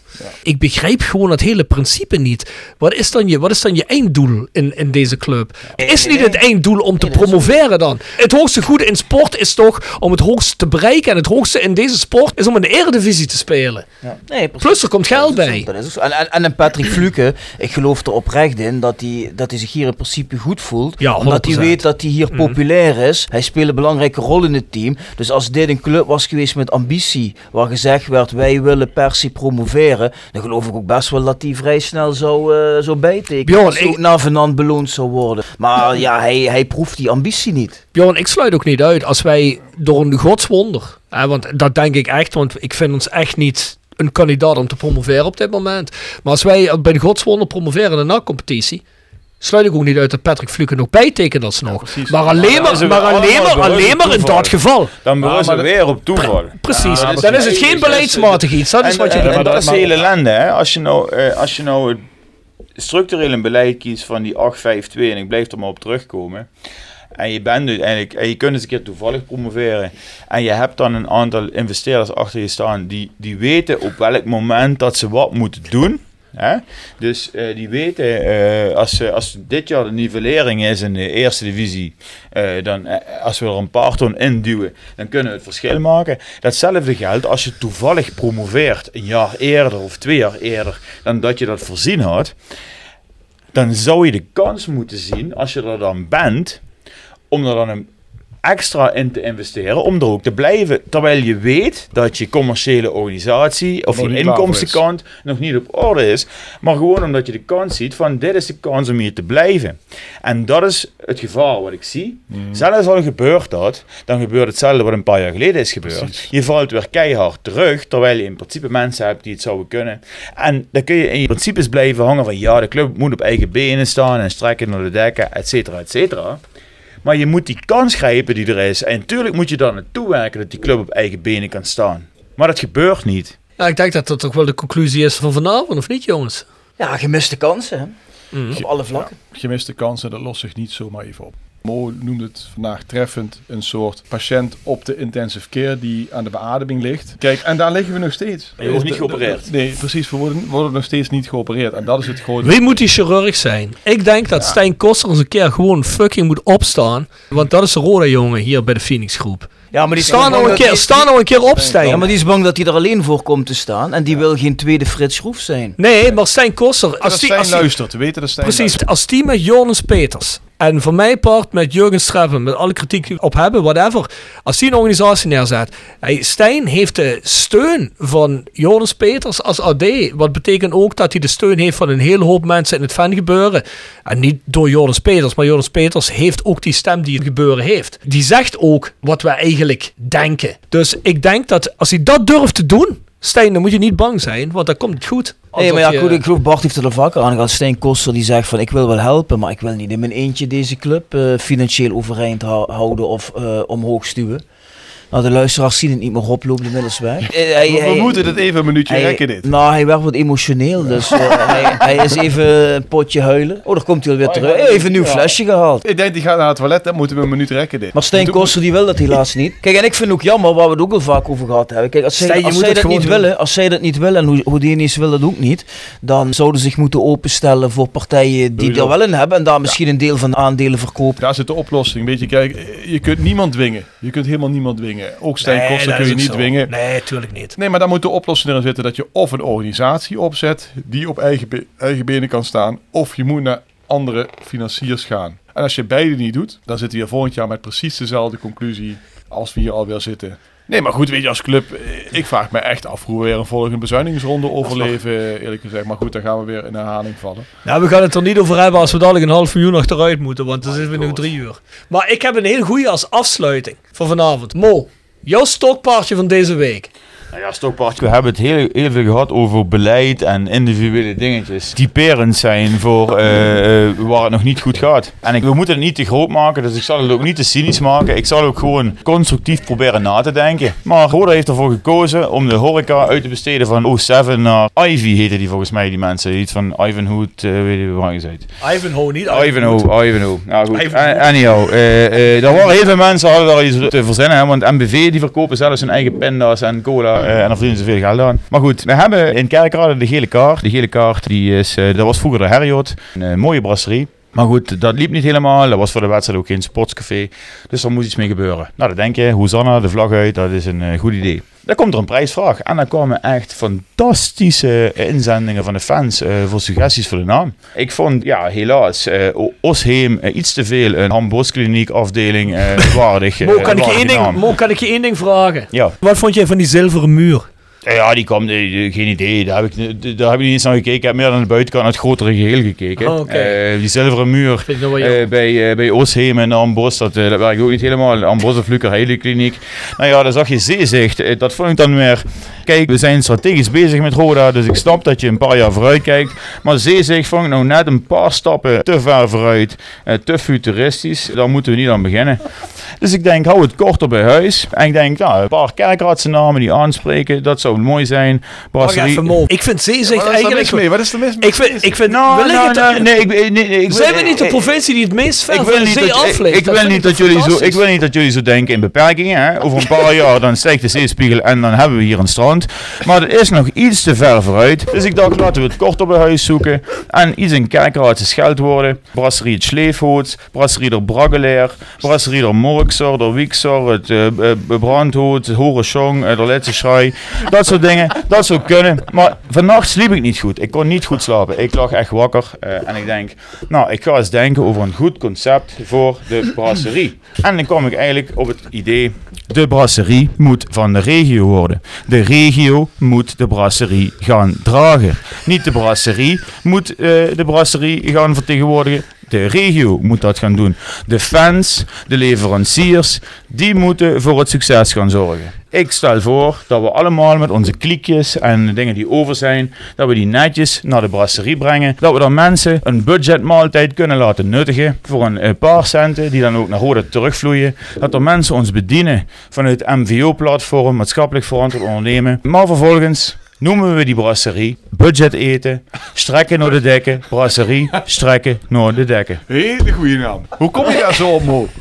Ja, dat zei ik, daar heb ik hier nou over nagedacht. dit, dit was wel een monoloog, ja. Ja. Als de regio een goede brasserie wil, dan moet de regio dan moet de regio maar komen naar de brasserie. Als de regio niet mee wil denken, dan verdient de regio het ook niet. Inderdaad. Zonder flauwekul erop. hè. Ik maak je nou weer een, mooi verhaaltje van. Maar ehm, eh, het is natuurlijk een en al cynisme ten top. Het is toch te triest voor woorden dat er dus schijnbaar iemand zit. eh, Volgens mij zijn er best goede eh, inzendingen door de fans geweest. Ik kan me niet Ja, anders voorstellen. wel, ja. En, en, en dat is wat ik probeer te zeggen. eh, in, in, in, in al dat cynisme. Er komt dus iemand die zit ergens op een kantoortje. Precies. En zelfs een stagiaire die 12 jaar oud is, die eens een keer mag meelopen. Komt niet met een lijstje waar Osheem en Ponk of Tonk eh, eh, en, eh, eh, en de zeezicht, Vonk, ja. Vonk, eh, weet ik hoe die dingen allemaal heten. Goed eh, Dave. Wat, wat, die, wat die in naar voren komen. En Dat kan toch gewoon niet? Laat Mol- staan dat er dan iemand is die dat goedkeurt om dat op, op, op- social media te gooien als zijnde de serieuze keus voor fans. Mo, Mo, laten we wel dan nog positief afsluiten de- deze episode. Dat is, dat, dat- nee, maar, nee, maar, nee, maar, nee, maar dat, dat, dat, Je kunt op bier drinken. Na een dag... Afgeschoten eh, worden. Precies, na een dag afgeschoten. En daar proef ik dan toch wel weer de invloed van Jordans Peters. Die dan denkt, what the fuck, wat hebben we hier? Ik hoop dat je gelijk hebt. Eh, wie heeft dit in godsnaam online geplaatst? Laten we dit er direct vanaf halen Ja, en nog eens een keer terug. Bart, ik vraag me dus af. Hoe in- komt het zover? Ja, geen idee. Ja, geen precies. idee. Ik denk dat dat ook het begin is hè, van zijn van zijn Jordans Peters. Die jongen heeft hele goede ideeën, die begrijpt ook wel. Hè. Ja, die begrijpt, heel eerlijk, dan moeten we eerlijk zijn. Dag, what the fuck. Nee, maar hij heeft goede ideeën, maar die begrijpt de regio ook nog niet, want hij komt niet uit de regio. En dat kun je hem niet verwijten, en dat is ook oké. Maar dat is de beginperiode. Als die jongen hier een jaar had gezeten al, of anderhalf Had jaar. dit niet online mogen komen. Nee, dan was het ook niet online en, eh, Dat is een gekomen. beetje mijn punt. Hè. Het verdient het niet om eh, de, de minuten en de seconden en mijn eh, seconde adem eh, energie te krijgen. Maar het symboliseert wel het absurdisme dat dit soort dingen gewoon kunnen. Ja. Bij onze club, nog steeds. Dat, dat het überhaupt online komt. Daar gaat mijn irritatie in zitten. Jongens, ik denk wel dat de mensen die vandaag luisteren inmiddels zoiets hebben van... Wat zijn dat voor verzuurde oude uh, klootzakken? Man, god hé. Wat een negatievelingen. Jullie moeten eens een beetje positief zijn. Forza Roda. Ik wil de podcast afsluiten met, want we hebben inderdaad heel veel kritiek gehad op van alles. En wellicht ook terecht, met een positief punt. Bjorn, begin jij. Ehm... nee, maar even serieus, zonder cynisme, een positief punt Nou ja, dat jij goed, de afgelopen eh, eh, eh, seizoen zelf haalt. Nee, goed, waar ik nu positief over ben, hebben we al vaker vandaag gezegd. Dat is de persoon Joris Peters. En de manier waarop hij probeert mensen weer te verbinden en het goede gevoel te geven. En daar word ik enthousiast van. Mo? Oh, ik dacht dat we met de klok meegingen, dus ik moet, eh, ik moet er toch wel lang over nadenken. Positief punt is dat dit jaar snel is afgelopen eh, voor wat betreft, Roda betreft. En ik sluit me voor de rest bij Bjorn aan, ik kan niks anders verzinnen. Jasper? Als het publiek terugkomt, dan hoop ik dat het eh, op, op, op, dezelfde manier doorgaat als dat het, eh, het begin dit seizoen is ingezet. Dus ik, eh, de sfeer in het stadion, waar toch weer iets heerste op een gegeven moment van moeilijk om, om te winnen voor de tegenstander. Gewoon een lekker, lekker potje voetbal. En ook het vieren met het publiek na afloop van de wedstrijd. Dan gaan ze gearmd meezingen op een supporterschant. Nou, daar kon ik wel van genieten. Wat? Ik wil afsluiten met dat promotie totaal niet uitgesloten is. Om die reden dat wij op een na-competitieplek op staan op dit moment. En na-competitie één grote loterij is. Eh, wie, ik, ik geloof dat er niemand vorig jaar in Nijmegen rond dit tijdstip had gedacht dat ze zouden promoveren. Kijk, wij hebben een selectie waarbij als het draait, dan kan, kunnen we ook zomaar een paar potjes winnen. En dat kan ook zomaar in de na-competitie tegen al die ploegen die op dit moment om ons heen staan. En ook Fortuna die op dit moment volgens mij op de na-competitieplek staan in de Eredivisie. Dus dat kan zomaar. Maar dat is geen enkele garantie. Dus daar kun je totaal geen beleid op voeren. Ook geen contractverlenging, ook geen selectie van de spelers. Spelerselectie vanaf maart, april, waarin je spelers zou willen vastleggen. Dat gaat allemaal totaal niet. Maar het sluit promotie niet uit. Ja, mooi mannen. Ja, ik wil afsluiten met het punt dat we hebben veel negatieve dingen gezegd. Of negatief. Ik vind het niet negatief, ik vind het realistisch. Maar houd in de gaten dat al die dingen die we gezegd hebben niet per se niet onomkeerbaar zijn. De Phoenix Groep kan gewoon geld investeren en zorgen dat we parallel aan de club opbouwen vanuit het begin. Organisatorisch goed opstellen kun je dat parallel ook op het veld doen met een selectie. Maar het is niet te laat. Het is niet te laat om dingen te veranderen. En daar zie ik nog altijd het positieve in. We zijn Roda. Wij kunnen ons allemaal geen leven zonder Roda voorstellen. Ik wil alleen maar zeggen, ondanks alle kritiek en alles, blijven wij positief en hopen we dat het allemaal eindigt op de beste manier. En Rob, bij Roda is altijd één ding gebleken. Als je dacht dat het niet erger kon, dan ging het vaak toch de positieve kant op.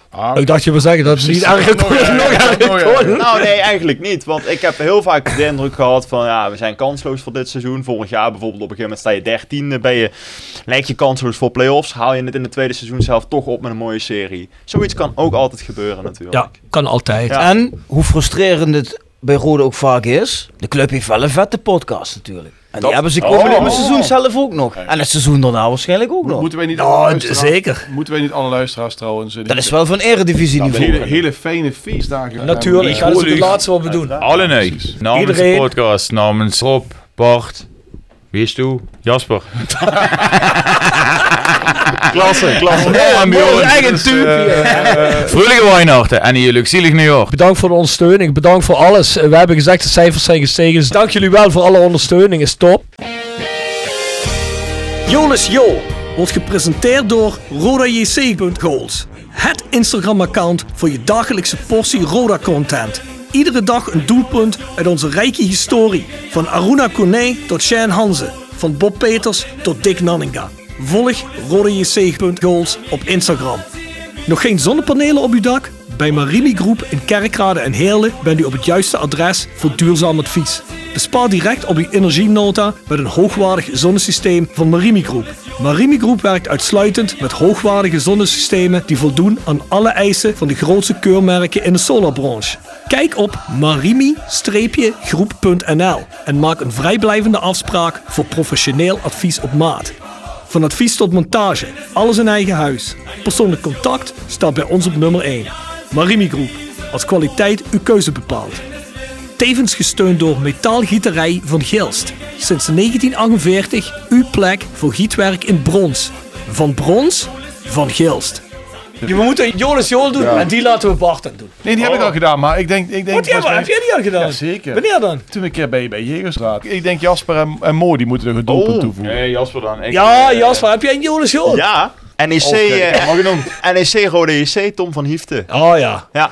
Dat is die die ik dacht die... eh, Ah, dit schot eh, met links. ja, precies. ja, en anders die tegen Cambuur, die was ook mooi. Maar ze, ze, Tom van Liefde is volgens mij de meest Ze genoemde zitten luisteraars vandaag twee uur te luisteren naar ons gewabbel en dan... En dan komen we op het einde komen. Maar eh, eh, staat het er wel op, Rob, of niet? Eh, Het staat erop. Ja, goeie. Mannen, we gaan afsluiten voor vandaag, want we zitten al op een uur of twee. Dus, eh Stoffen met 12 uur.